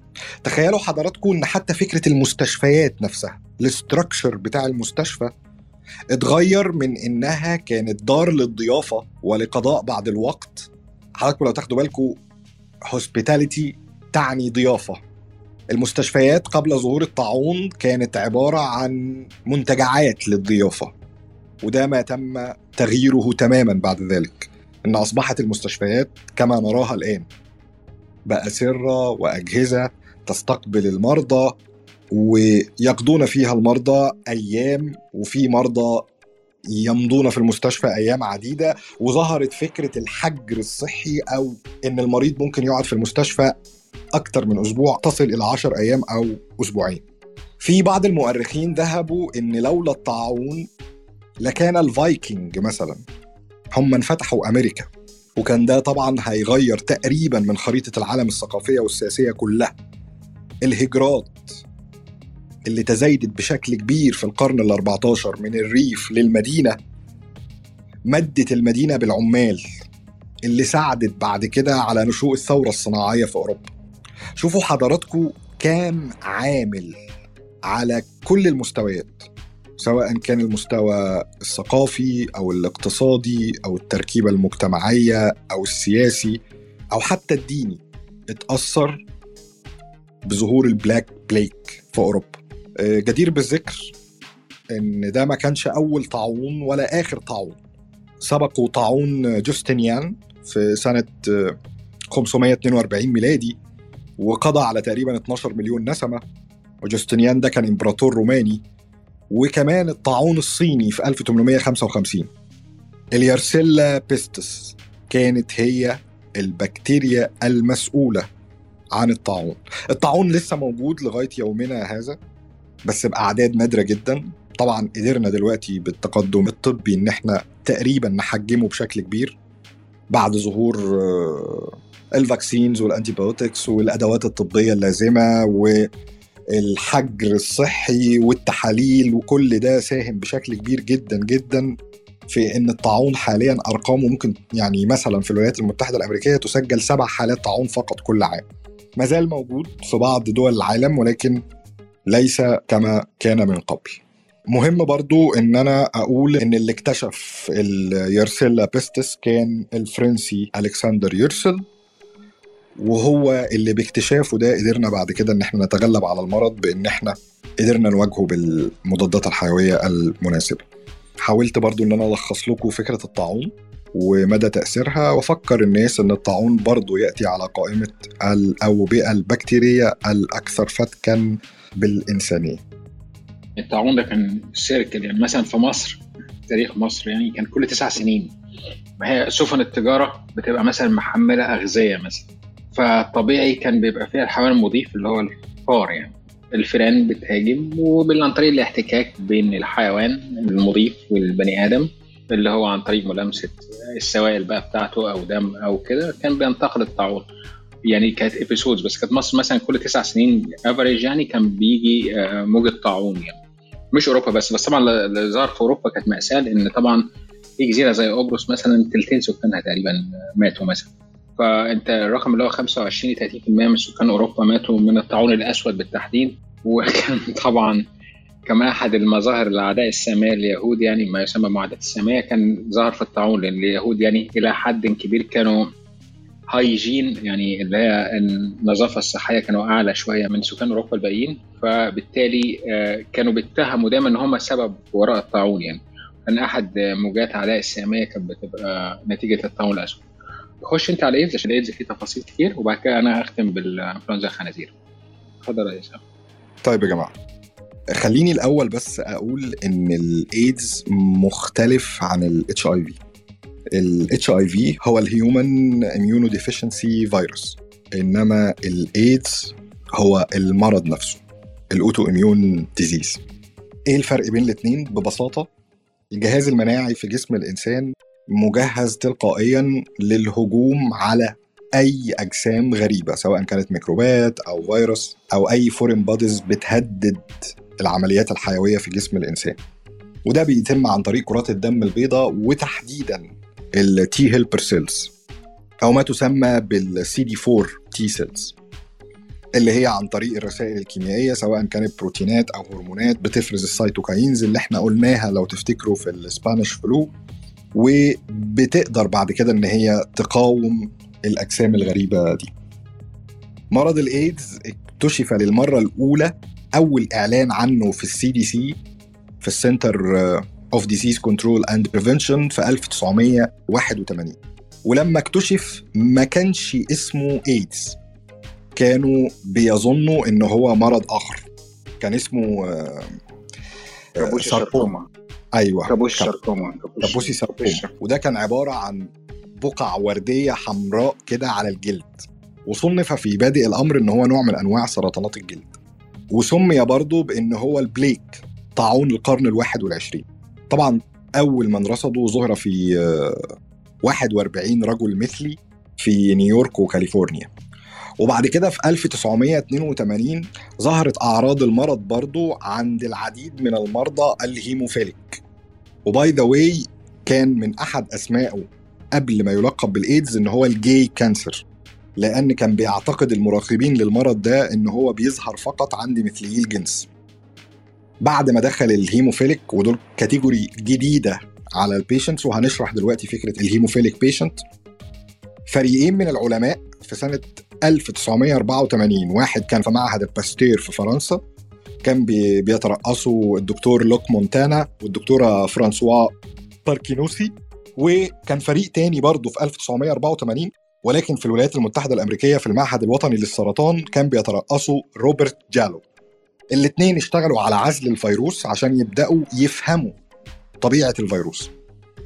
و by the way كان اسمه في الأول LAV و HTLV3 اللي هو اختصار lymphadenopathy associated virus وبعد كده في مؤتمر صحفي في 1984 اتجمع الفريقين وتم الإعلان وتم تغيير الاسم وتم ولادة الإيدز اللي هو ال acquired immunology syndrome بالشكل الحالي.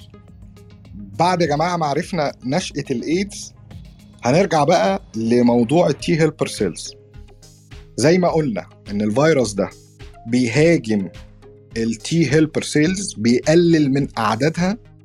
طول ما ال T helper cells دي عددها أقل من طول أكتر من 200 لكل مليمتر مكعب في الدم فأنت في مرحلة ال HIV بمعنى إن أنت ممكن يكون عندك ال HIV virus ولكن أنت مش مريض ايدز مش بس كده ده راحوا العلماء لما هو أبعد من ذلك.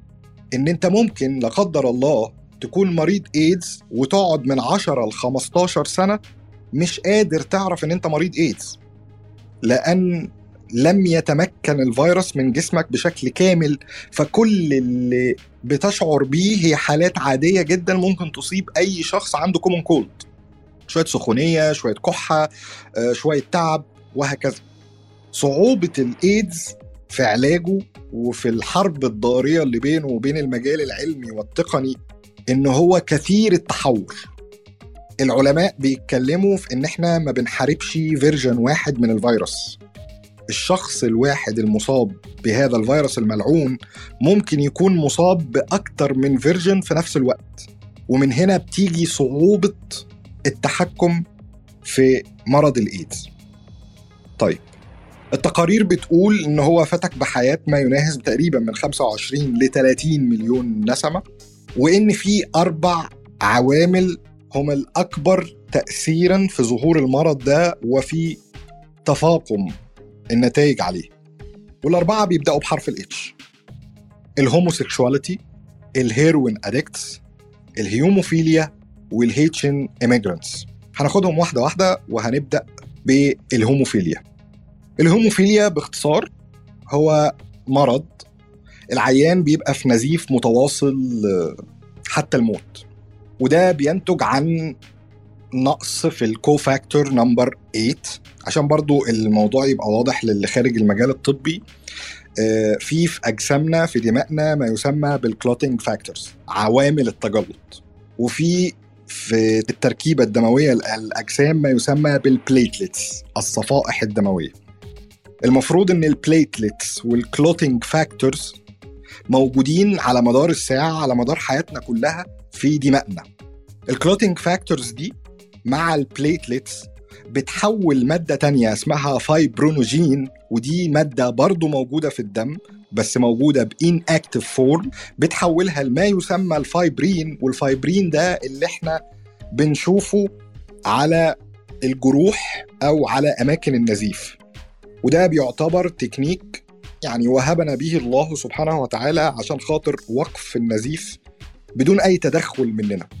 ال clotting factors دول 13 factor أهمهم هو ال factor number 8 ال factor ده هو اللي بيناله ضرر أو damage في حالة الهيموفيليا. جدير بالذكر برضو إن إحنا نقول إن الهيموفيليا موجودة بنسب أكبر بشكل very significant عند الذكور مش عند الإناث. ودي برضو ليها قصة. حضراتكم عارفين إن عدد الكروموسومات اللي موجودين في جسم الإنسان 46 كروموسوم. 44 كروموسوم منهم مسؤولين عن الصفات اللي موجودة في جسم الإنسان كلها وفي اثنين chromosomes.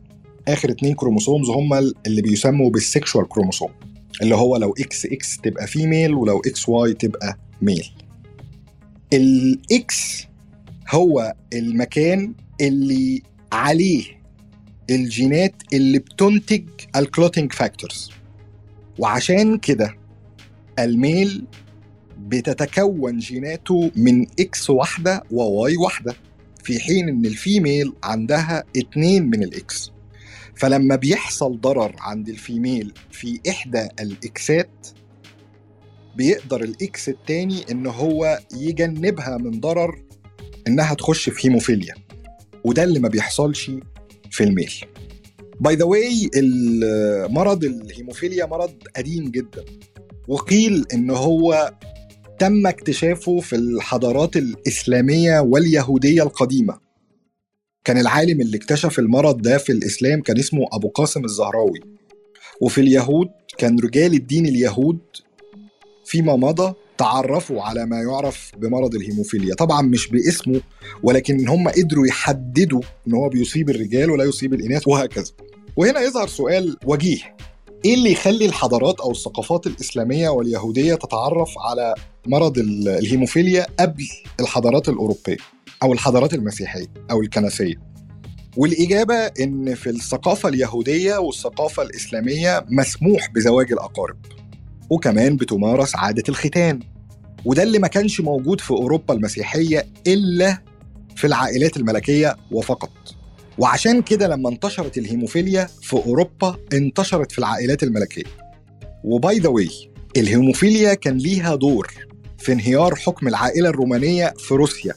وحتى قيام الثورة في روسيا 1907 ونجاحها في الموجة الثانية بعد الخسارة من اليابان في 1915 على إيد لينين كان ليها علاقة بالهيموفيليا لأن ابن الإمبراطور نيكولاس اللي هو اسمه أليكسي كان مصاب بالهيموفيليا. هو الهزيمة اليابانية كانت 1905 آه دي الموجة الأولى الثورة البلشفية 1917 في شقيها الاشتراكي فبراير وأكتوبر الشيوعي. هو فعلا وعائلة رومانوف رومانوف مش رومانوف آه، مظبوط. سلسلة اللي هم آخر قيصر بس مظبوط. والأم كان اسمها ألكسندرا وكانت حفيدة الملكة فيكتوريا وظهرت علاقتها بعد كده براهب سمي راسبوتين. وراسبوتين ده كان من أحد أسباب يعني ثورة الشعب أحد أسباب كتيرة الحقيقة لثورة الشعب لعلاقة ال- الأم الإمبراطورة براسبوتين مع إن راسبوتين لا كان يعرف الهيموفيليا ولا كان عنده أي سابق معرفة بالطب ولكن هو كل النصيحة اللي قالها للإمبراطورة إن لا تلجأ للأطباء ولا للأدوية لمعالجة ابنها الإمبراطور اللي هو أليكسي واللي ده بعد كده ترجمه المؤرخين إلى إن من الوارد إن يكون الدواء اللي موجود في الوقت ده هو الأسبرين. وأي حد ليه علاقة بالمجال الطبي أو الصيدلي هيعرف إن الأسبرين مميت في حالات الهيموفيليا لأن الأسبرين يعتبر anti platelets aggregation فمعنى كده إن ال- الشخص اللي عنده نزيف أو مرض الهيموفيليا لو خد أسبرين فهو هيموت. هيموت قولا قولا واحدا يعني. طبعا مهم برضو إن إحنا يعني بما إننا دخلنا في الهيموفيليا إن إحنا نقول إن أشهر علاجات الهيموفيليا اللي موجودة دلوقتي هي مستخرجة من سم التعابين. وده ليه؟ لأن برضو بالصدفة في أحد عضات أحد التعابين اكتشفنا إنها بتسبب تجلط في دماء الشخص المتعرض لعضة التعبان ومن هنا قدرنا نستخرج من سموم التعابين علاج للهيموفيليا. تاريخ علاجات الهيموفيليا برضو شاهد تطور حقيقي مبهر إن كان طريقة العلاج الوحيدة هي نقل الدم وكانت نقل الدم دي بداية كانت من الحيوانات. يعني تخيلوا حضراتكم إن كان مريض ال- الهيموفيليا انقاذا لحياته كان بيتم محاولة نقل دم حيوانات إليه. طبعا لكم أن تتخيلوا طبعا ال sterilization وال infections وأنواع ال- الدم. وبعد كده بدأ ال- النقل عن طريق من إنسان لإنسان آخر بدون أي فحوصات على أي bacterial infection إلى أن مؤخرا دخلنا ما يسمى بعصر نقل البلازما. دلوقتي بقت التطور العلمي أتاح لنا إن إحنا مش بس بننقل دم لأ ده إحنا بننقل بس البلازما. طبعا بعد إجراء العديد والعديد من الفحوصات للتأكد من صحة الدم المنقول بين المصابين. طيب دي بالنسبة للهيموفيليا وعرفنا إيه الدور اللي بتلعبه وليه الايدز آه ليه ليه دور كبير أو الهيموفيليا ليها عامل مساعد كبير في انتشار المرض ده. ال H الثانية هي ال heroin addicts. كلنا طبعا عارفين إن آه متعاطي المخدرات وتحديدا الهيروين المتعاطي عن طريق الحقن بيتم اللجوء إلى إن الحقن بتتناقل بين العديد من الأشخاص بدون أي مراعاة لأي infection أو أي viral infection ومن هنا جه إن مرضى ال- الايدز من أحد العوامل اللي بتسبب تفاقم المرض وانتشاره هو الإدمان على الهيروين أو حقن الهيروين. خليني برضو قبل ما أخش في ال homosexuality وفي ال Haitian immigrants أقول لكم آخر تقرير ظهر من ال CDC 2018 طبعا بعد التأكيد على إن الإيدز لا يمكن أن ينقل بالهواء أو التلامس أو العرق أو اللعاب saliva tears kissing bites air كل دي أساليب لا تعمل بكفاءة عندما نتحدث عن انتقال مرض الإيدز من شخص إلى آخر. الإيدز بينقل غالبا مش غالبا بنسبة 99% من السوائل. يا إما كان السائل ده دماء أو كان السائل ده سائل منوي أو عن طريق الرضاعة في حالات أقل من الأم للطفل. وفي حالات قليلة جدا ممكن بالنسبة للأم الحامل تنقله لابنها. لكن إن هو يتنقل بال بال bites أو بال kiss أو بال tears saliva تلامس air لا ده ما بيحصلش. وده اللي أكده آخر تقرير في 2018 زي ما قلنا من ال CDC اللي قال الأرقام كالتالي. 69% من الحالات الجديدة المصابة بمرض الإيدز هما من ال gays. 24% من ال heterosexual و7% بيجوا من ال injectable لل heroins أو لما يخالفه. بالنسبة للأعراق رغم أن ال African American بي contribute تقريبا 13% من ال population الا إنهم بيمثلوا 42% من ال new case ال Spanish American بي contribute تقريبا 18% من ال population وبي contribute برضه 27% من ال new cases. بالنسبة لما يسموا أو ما آه، يتم تسميتهم بال white Americans فهم يعني تقريبا 70% من ال population و25% من ال new cases. ومن هنا نقدر نعرف إن ال African black gay هو ال most contribution في كل حالات الايدز في الولايات المتحدة الأمريكية تقريبا ب 25% والحقيقة ده بيفسر لنا أو بي reflect to us قد إيه فكرة الفقر والتكدس السكاني والظروف المعيشية اللي ممكن تتوفر لطبقة من أو شريحة من المجتمع يكون ليها دور في تفشي وباء زي وباء الإيدز. طيب حابب برضو إن أنا نروح للنقطة الثالثه اللي هي ال Haitian immigrants ودي الحقيقة اتذكرت في في الكتاب اللي قال عليه أحمد اللي هو لجاك بيبان وحتى اتقالت في Nature في 2016 من عينات إيجابية جاية ل اتنشرت على فكرة في نيويورك تايمز والعينات دي اتحللت في نيويورك hospital. اللي أكدت إن مرض الإيدز موجود من الخمسينات في منتصف أفريقيا تحديدا في زائير وكان فكرة الهجرات إلى هايتي وإنشاء سلسلة من السكك الحديدية داخل أفريقيا وإن المستعمر الفرنسي والناس اللي جاية من هايتي لأفريقيا ذهابا وايابا كان ليهم دور كبير في نقل العدوى للولايات المتحدة الأمريكية. وإن ظهر في منتصف الخمسينات في وسط القارة الأفريقية رصدت حالات بنفس الشكوى وبنفس ال profile بتاع ال patients اللي عرفنا بعد كده إن هم كانوا مرضى للإيدز. مش بس كده في الخمسينات الآلاف من المسافرين من الكاريبي كانوا للعمل وللسياحة بيذهبوا ذهابا وايابا إلى زائير أو إلى منتصف إفريقيا. وده اللي تم ربطه بعد كده بإن هايتي كانت من أكتر الجزر اللي بيقصدها مثليي الجنس الأمريكان لممارسة السياحة الجنسية. ومن هنا في الكتاب تم ربط كيف وصل الإيدز من منتصف القارة الأفريقية عن طريق ال immigrants إلى الولايات المتحدة الأمريكية. آخر H وهو ال homosexuality. الحقيقة إن ده كان مجال بحث عديد من المؤرخين ومن الأطباء. وزي ما قلت لحضراتكم إن تم أصلا وصف المرض في الأول. كان بيعتقد إن هو مرض بيصيب ال gays وفقط. والحقيقة إن ده تم نفيه فيما بعد. حتى بعض التقارير قالت إن هو انتشاره في ال gays ما هو أكثر من reflection للجنس الغير آمن اللي ساعد في نقل المرض من شخص إلى شخص آخر إضافة إلى المجتمعات الفقيرة اللي بتعيش فيها الأقلية الأفريقية الأمريكية. بطل موضوع ال patient zero اسمه جيتن دوجا وده مكتوب برضه في الكتاب بتاع جاك بيبان The Origin of AIDS جيتن دوجا شخص كندي ولد في كيبيك وبعد كده أصبح مصفف شعر في فانكوفر وبعد كده حقق حلمه بإن هو أصبح مضيف للطيران عن عمر 26 سنة. ظهرت عليه بعض الأمراض وتشخص زي ما قلنا في الأول بالمرض اللي هو Kaposi sarcoma. واتطلب منه عدم إقامة علاقات مع أشخاص متعددين بدون استخدام الوسائل الآمنة وكان الكلام ده أمام مسؤول الصحة العامة والسكان في سان فرانسيسكو.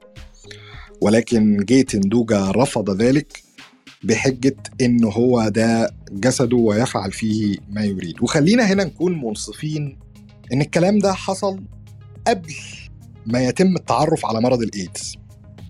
يعني لما جيتن دوجا تعرض للمساءلة وتم طلب منه عدم إقامة أي علاقات الكلام ده كان في سان فرانسيسكو. الكلام ده ما كانش كان قبل ما يظهر أصلا ما هو معروف بالإيدز. الراجل ده اتشخص إن هو عنده Kaposi sarcoma والحقيقة إن قصة جيتن دوجا تم القفز عليها والكلام ده اعترف بيه العديد من من العاملين في الصحافة أو في المجال الطبي بعد ذلك لما يسمى ال patient zero واتألفت كتب واتألفت أفلام في في القصة دي واتنشرت في ال American Journal of Medicine في سنة 1984 الخريطة بتاعت علاقات جيتن دوجا. وتم الرجوع بعد وفاته لكل المحيطين به والمتطوعين والعلاقات اللي كانت. وبعد ما جيتن دوجا غادر من الولايات المتحدة الأمريكية مات متأثرا بهذا المرض وعمره 31 سنة في مسقط رأسه في كوباك في كندا. ولكن بعد التطور العلمي اكتشف العلماء إن المرض هو مش بس كان موجود في أوساط القارة الأفريقية في الخمسينات لأ. ده كمان كان موجود عند عامل في الميناء مانشستر في سنة 1959 والأكتر من ده إن المرض ممكن أن يكون في جسم الإنسان من 10 ل 15 سنة قبل ظهور الأعراض. وده اللي راح ليه أغلب الصحفيين المهتمين بقضية ال patient zero في, في الولايات المتحدة الأمريكية.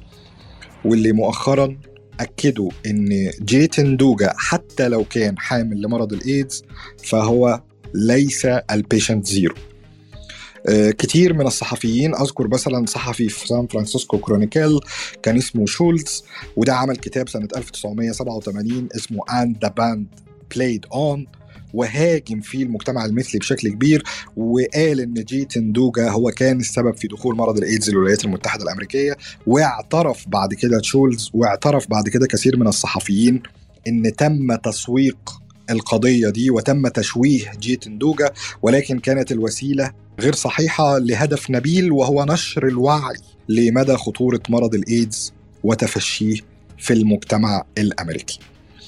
أنا كده الاربعه H خلصتهم. عايز بس انهي فكرة الايدز؟ بان الحقيقة المجتمع العلمي والطبي حاليا وصل لنجاحات حقيقة ملفتة للنظر في مجال علاج مرض الايدز.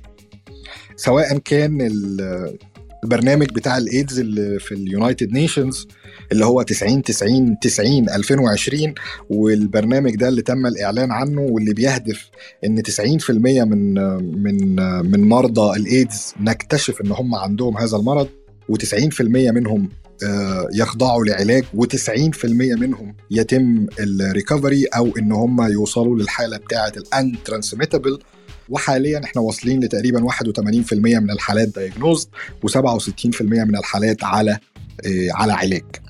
مهم برضو إن أنا أشارك مع حضراتكم فكرة إن علاجات الايدز مرت بمراحل كتيرة من التطور. بعد ما كان عدد الأقراص بيوصل ل 20 أو 25 قرص كل يوم إحنا حاليا متوفر لينا علاجات تقريبا من قرص أو اتنين كل يوم.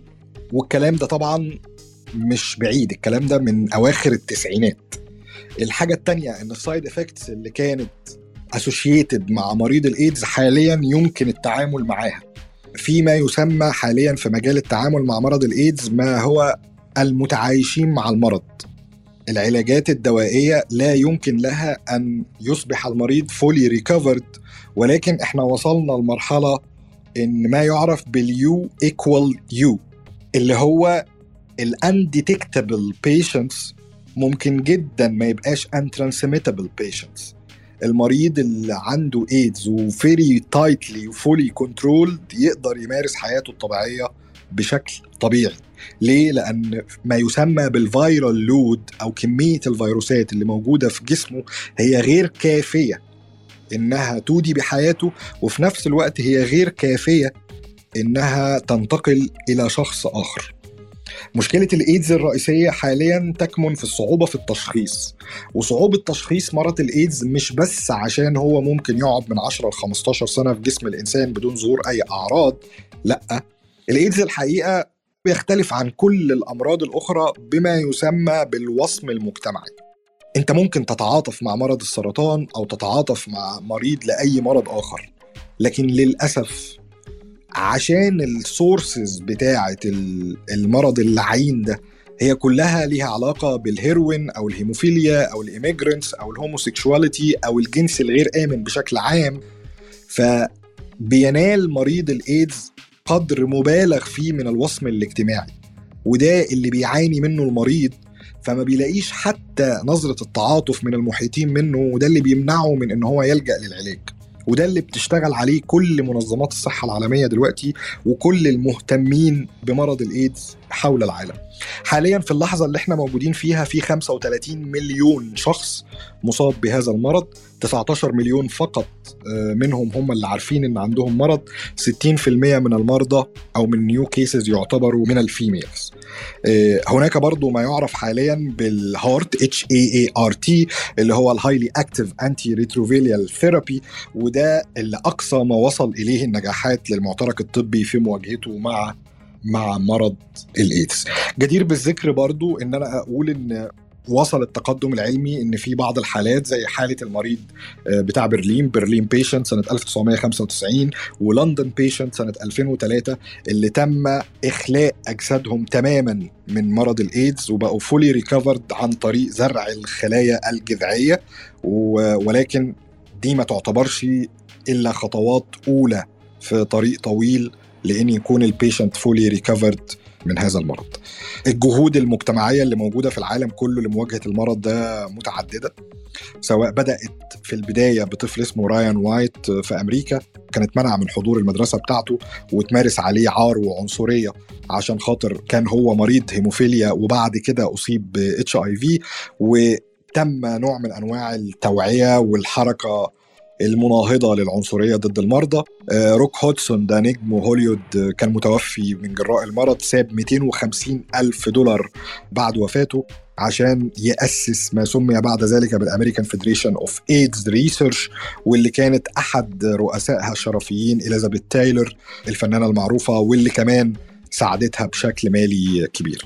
آه نقدر نقول بكل تجرد وموضوعية إن الإيدز الإنسانية خطت فيه خطوات عملاقة في طريق مواجهته ولكن يظل موضوع الوصم المجتمعي والعنصرية والعار هو ما يشغل هاجس كل المهتمين بالموضوع ده ولو إن زي ما قلت لحضراتكم إن في بوادر كتيرة آه، إيجابية في التعامل مع هذا المرض. آه، شكرا mic free معاك المايك يا أحمد. الايدز إسلام آه، موضوع كبير وجاك بيبان فصله في كتاب ال Origin of AIDS بس هو أساسا ما فيش حاجة اسمها patient zero يعني جايتان دوجاس اللي هو المواطن الكندي اللي هو من الكيبيك من مونتريال. ما هوش ال patient zero اللي هو زي ما قال شيلتس عليه يعني طبعا ووصموا مجتمع المثليين في شمال أمريكا. لا ده طبعا كان خرافة وهو مش مرض ال four H يعني بمعنى أصح يعني. هو لما رجعوا لقوا إن هو يعني بداية هم لغاية دلوقتي وصلوا 1921 بس نمسكها واحدة واحدة كده. 1921 ده كانت الحتة بتاعت كونو الايدز أصلا ده فيروس موجود في ال host الحيوان المضيف بتاعه هو الشمبانزي.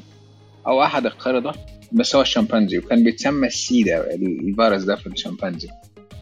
عن طريق اللي هو اللي هو صيد الحيوانات أو ال hunting احتك البني آدم هو حسب جاك بيبان إن هو اتنقل الدم من حيوان مصاب للبني آدم.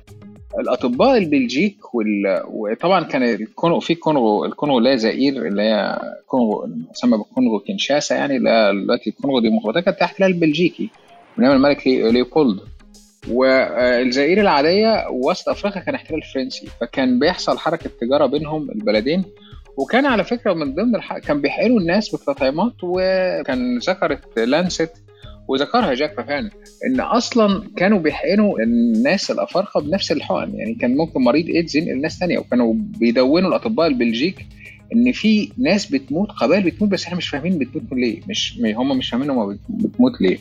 آه كويس إن أنت جبت البحار اللي هو في مينا مانشستر سنه 59 وكان في واحد في سانت لويس برضه كان وكان أول مرة يقولوا على واحد إن هو لما لقوا الأعراض وجابوا الأعراض بتاعته مع كان هو مغاير للجنس أو مش مثلي يعني فهو ما كانش مرض ال 4 H بمعنى ال 4 H تبص مثلا طب ما هيتي دي جزيرة في الكاريبي بين أمريكا الشمالية وأمريكا الجنوبية إيه اللي جاب هيتي لزائير ما هم سمر بيتكلموا فرنساوي فهم جابوهم يزرعوا في زائير 6000 عامل على فكرة. 6000 عامل دول راحوا تاني هيتي وخدوا معاهم المرض. طبعا عن طريق أنت جبت النقطة اللي هي ال Haitian tourist اللي هي الجماعة السياح عشان هيتي بجزيره فقيرة جدا ناس غلابة. ف آه، مستسلمين للسياحة الجنسية اللي جاي لهم جيرانهم الأغنياء. للأسف الشديد استغلال الفقر آه، الناس دي آه، الناس اللي هي جاية للسياحة الجنسية اتصابوا. وأنت ذكرت اللي هو في نيويورك تايمز اللي هي التقرير بتاعها ان سنه 2016 تم بالتأكيد وقطع بالقطع إن مستشفيات نيويورك استقبلت من هيتي تبرعات بالدم نتيجة إن هم فقراء يعني فما عندهمش حاجة فبيتبرعوا بالدم عشان يجي لهم فلوس. تبرعات بالدم بتاعتهم كانت أكياس الدم ملوثة بمرض الإيدز. فمريض الهيموفيليا اللي في أمريكا مصاب بالإيدز. قبل ما أخش على الحتة يعني دلوقتي أنت عندك الإمبريالية ليها دور الفقر. plus أنت لما تيجي بقى تبص على الموضوع بصورة أكبر شوية. أنت مثلا حاجة زي ال HAART medication اللي هو ال antiviral medication اللي هو ال antiviral الغالي خلينا واقعيين. أنت ما بتاخدش مثلا Tamiflu. لا أنت بتاخد دواء antiviral أنت قلت القرص القرصين في اليوم. الشيخ تاخد دواء من دواء ال HAART medication ده تكلفته أصلا 12000 دولار في السنة. 8000 دولار في السنة مثلا ده لو ده واحد لو هتاخد كومبينيشن وده الطبيعي هيبقى 12000 دولار في السنة. أنا مش عايز أقول لك مثلا في حاجات أغلى من كده كمان. لما تيجي مثلا لواحد زي شركة سبله الهندية ويوسف حميد مثلا اللي هو رئيس شركة سبله الهندية قال لهم يا جماعة طب يا جماعة 12000 دولار في السنة مين هيقدر 12000 دولار في السنة؟ خصوصا إن أغلبية المصابين أفريقيا جنوب الصحراء. فافريقيا جنوب الصحراء دول أصلا مين هيدفع 12000 دولار في السنة؟ قال لهم أنا هعمل لكم القرص العلاج اليومي بأقل من دولار دي من أقل من دولار في اليوم. طبعا اتهاجم وبتاع وكتير قوي من الدولة زي الهند دولة زي جنوب أفريقيا جنوب أفريقيا لهم مش هقدر أمضي على فاتم الكلف الفكرة اللي أنتوا بتعملوها دي عشان أنتوا بتسرقونا. نيلسون مانديلا أنا فاكر تصريح ليه. فهي الفكرة انت دلوقتي لما تيجي Cipla اللي هي تعمل أدوية مشابهة أو أدوية copies للأدوية الغالية دي عشان تعالج المرض ده ده كان حرب شعواء عليها. فأنت بتشوف استغلال في كل حاجة. مثلا الهيتشم اللي هم المهاجرين بتوع هيتي اللي راحوا الكونغو ورجعوا تاني الاستعمار اللي هو كان مساهم كبير قوي في المرض للوصم المجتمعي اللي حصل لل... للناس اللي هم مثلا من أقليات معينة. حتى لما تيجي تبص مثلا ما أنت دلوقتي المجتمعات حتى لما كنت ذكرت جوه أمريكا 42% من الإصابات الجديدة جاية من جوه مجتمع الافريكان امريكان طب ليه ليه الإصابات دي موجودة في المجتمع ده؟ عشان ما فيش صحة عامة فقر ما فيش عندهم ما بيصرفوش عليهم. الصحة العامة في أمريكا ما بتحطش الجماعة دول تحت مظلتها. فتلاقي نسبة الإصابات وسط الناس دي نتيجة ما فيش توعية باللي بيحصل أغلبية الإصابات بتيجي ليهم لما نبص على أفريقيا جنوب الصحراء اللي هم يعني غلابة يعني جدا جدا هتبص هتلاقي إن أفريقيا جنوب الصحراء بالتحديد آه الإصابات بالنسبة للبنات أكتر للأسف الشديد يعني. وده شيء للأسف يعني العالم حتى الآن أنت اتكلمت على 35 مليون مصاب في الع... أو لا سوري 65 مليون مصاب نسبه الوفيات من الإيدز حتى الآن أقل تقدير وصلت 30 مليون في القرن اللي فات. هو كان طاعون القرن العشرين بلا جدال بلا منازع مرض بشع. بس حاليا المريض لو خد ال HAART medication أو اللي هو ال antivirals الغالية يعني مضادات الفيروسات الغالية يقدر يعيش كأنه مريض سكر يعني من الآخر. بس طبعا تتحمل التكلفة بتاعة المرض ده. آخر حاجة أتكلم عليها اللي هي إنفلونزا الخنازير. طبعا إنفلونزا الخنازير كان مشهور يعني انتشر يعني يعني ظهر 2009 على فكرة كان حتى في مصر لما ظهر إنفلونزا الخنازير بدأوا يذبحوا الخنازير في مصر كانت مأساة كبيرة في الحتة اللي المقطم والزبالين بالكفايه مزارع الخنازير وكده. فرئيس اوباما على فكرة اعترض على التسمية عشان صناعة أو سوق لحوم الخنازير أو ضرب مصالح الشركات كانوا بيسموها يعني أو بيدلعوها يسموها ال H 1 N 1 التعريف العلمي ليها عشان ما يقولوش انفلونزا الخنازير عشان ال hog industry أو صناعة اللحوم الخنازير والسوق بتاعه ما يتأثرش. وهي هي سلالة ال H 1 N 1 دي سلالة من سلالات الإنفلونزا كتير جدا وأعراضها بتشبه أعراض الإنفلونزا. ظهرت في ربيع عام 2009 لما اكتشفوا السلالة دي أو ال strain ده. السلالات دي أساسا لقوها بتصيب السلالات بتاعت الانفلونزا بتصيب الخنازير والطيور والبشر. بس السلالة دي يعني سببت صعوبات جامدة جدا للإنسان يعني. بين 2009 و 2010 خلال موسم الإنفلونزا كان بيحصل إصابات للجهاز التنفسي. وفي 2009 ال WHO قالت إن هو وباء. واغسطس 2010 أعلنت إن هو انتهى واعتبرته إن هو من ضمن السلالات الموسمية بتاعه الإنفلونزا. اللقاح الموسمي بتاع الانفلونزا بيقدر يساعد على الحماية من الانفلونزا الخنازير. ال H1 وال N1 يعني هو بص في 16 نوع لل H وفي تسع أنواع لل N. ال H اللي هو ال hemagglutinin وده مفتاح الفيروس لدخول الخلية. وال N ده اللي هو ال neuraminidase وده اللي لما بيدخل فيروس ده اللي بيسبب replication أو تضاعف للفيروس جوه جسم الخلية. إبداع روب والاس في في موضوع إنفلونزا الخنازير ده سماها ال NAFTA flu. والنافتا اللي هي North America Free Trade Agreement أو اللي هو اتفاقيه التجاره الحره لدول أمريكا الشمالية اللي هي المكسيك وكندا والولايات المتحدة الأمريكية. طبقا لمنظمة الصحة العالمية 18000 ونص واحد ماتوا من نتيجة الإصابة بالإنفلونزا الخنازير ودي التقديرات الغير رسمية بتتكلم في ربع مليون مواطن. هو ظهر في المكسيك بالذات بين مدينتين فيرا كروز ومكسيكو سيتي العاصمة. النافتا من الآخر هي اتفاقيه تجارة حرة بين المكسيك وأمريكا وكندا. تم توقيعها سنه 93 أيام الرئيس بيل كلينتون ودخلت حيز تنفيذ سنه 94 كان الهدف من النافتا دي أو لسه الهدف منها إن يرفعوا من المستوى الاقتصادي بتاع المكسيك ويفتحوا السوق بين الثلاث دول وبحيث إن ما يحصلش هجرات اللي هي الغير شرعية لأمريكا من الموضوع بس اللي حصل بقى إن في حتة الخنازير بالتحديد السوق المكسيكي لحوم الخنازير تأثر باتفاقية النفط. زي أسواق كتير. اتفاقية النفط دي فرضت على المكسيك إنها تفتح السوق للشركات الأمريكية واللي شغالة في نفس المجال بتاعها. وده أثر سلبيا على الشركات المحلية المكسيكية. هم مش هيقدروا ينافسوا الشركات الأمريكية الكبيرة بتاعت سوق لحوم الخنازير. زي Holly Farm و Tyson و Perdue وطبعا أكبرهم كان Smithfield. كانوا قدام تجار الخنازير الأمريكان المكسيكيين sorry حل من اتنين. لا إما يبيعوا الأرض والتجارة للشركة اللي جاية من الشمال الغني اللي جاية من أمريكا ويخرجوا من ال business ده أو يتكتلوا وينافسوا الشركات الأمريكية. انفلونزا الخنازير انتشرت في هندوراس والنمسا وكوستاريكا والبرازيل وحتى وصلت تايلاند. بس هم قعدوا يفكروا طب هي وصلت تايلاند إزاي؟ هل الخنازير بتطير؟ طب لو هل الخنازير بتقدر تنظم نفسها بالآلاف خارج المدن مثلا؟ يكون عددها 30000 وما بتطعمش نفسها وهي اللي بتعمل تغيير جيني للانفلونزا وهل الخنازير اختارت إنها تبقى في مزرعة جنب مزرعة طيور وجنب ناس كتير؟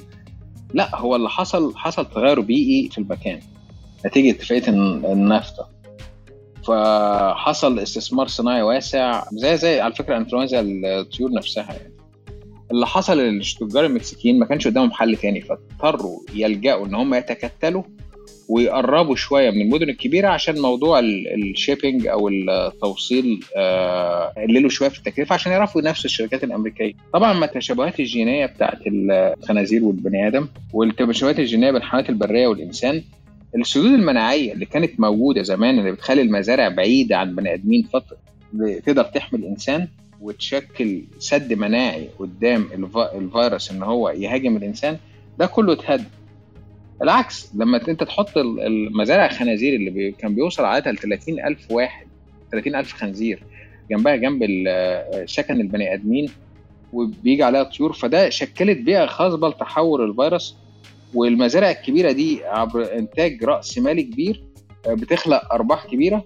حتى لو اعتمدت على أساليب إنتاج مضرة بتشكل ظروف مواتية كبيرة جدا لظهور فيروسات قاتله الإنفلونزا مش مرض جديد. ما حدش ما جالوش إنفلونزا فينا. يعني وأنواعها كتير. يعني أنت زي ما قال إسلام في الأول من 1917 1919 سببت وفاة 50 ل 100 مليون أثناء مثلا وبعد الحرب الأولى الإنفلونزا الإسبانية.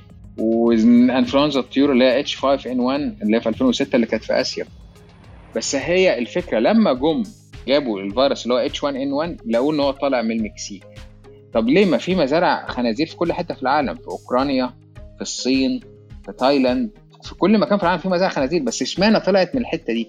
طلعت عشان أجبروا المزارعين ويربوا الخنازير المسكين واللي شغالين في ال hog industry يعني إن هم يتكتلوا عشان يعرفوا ينافسوا الشركات الأمريكية. ولذا ده إبداع روب والاس اللي سماها ال NAFTA flu. فنلاقي أغلبية الفيروسات اللي اتكلمنا عليها هي نتيجة إن في بيبقى في سد مناعي بين البني آدم وبين ال host animal أو ال host reservoir اللي مثلا في حالة الإيبولا كان خفيش خفيش الفاكهة في حالة إنفلونزا الخنازير كان الخنزير نفسه بس كان بيبقى بعيد عن البني آدمين مزارع بيبقى بعيد عن البني آدمين ما الخنازير ما بتطيرش مثلا عشان لما راحت مثلا أوروبا اكتشفوا فيها السلاله دي اللي هي ال H 1 N 1 ما عرفوا إنها جاية من المكسيك. أو في حالة الايدز الشمبانزي مثلا أو في حالة الطاعون يعني حتى ال host animal كان الفار فالفكرة كل ما السدود المناعية اتهدت بيحصل ما يسمى بال spillover أو zoonotic spillover أو الانتشار ويتحور الفيروس ويتصاب بيه الإنسان. نتيجة بقى جشع الناس جشع الشركات. ما هم أكيد ما يقصدوش إن هم يسببوا فيروس للناس بس هم جشعهم اللي هو زي ما حصل في الإيبولا شيل الغابات الاستوائية كلها تيجي خفافيش الفاكهة تقعد جنب مزارع النخيل اللي جنب البني آدم وجنب الحيوانات البرية. والناس في الآخر يموت 11000 مثلا في في حالة الإيبولا. حتى على فكرة في الكوفيد أنت الكوفيد مثلا سوق الحيوانات البرية اللي هو في سوق هوان هوان هوانان هوانان اللي هو في مدينة ووهان. سوق الحيوانات البرية ده مثلا أنا كنت لسه هاري امبارح بالصدفة يعني دكتور في جامعة سيدني هو زار السوق ده سنة 2017 وكان متوقع إن تحصل مصيبة هناك. حتى كان اتكلم عن نورث ويست إن وجود الحيوانات البرية بالذات الكلاب والخفافيش لأن الصين العادي بياكل رز وبسلة زينا وفاصوليا ما عندوش مشاكل. بس هي المشكلة في اللي هو اللي هو الراجل الغني اللي عايز بالبلدي كده يتفشخر على البني آدمين ويقول لهم أنا باكل حيوانات برية خفافيش بقى باكل كلاب باكل مش عارف إيه. أنت فاهم؟ ده الغني في الصين بيعمل كده.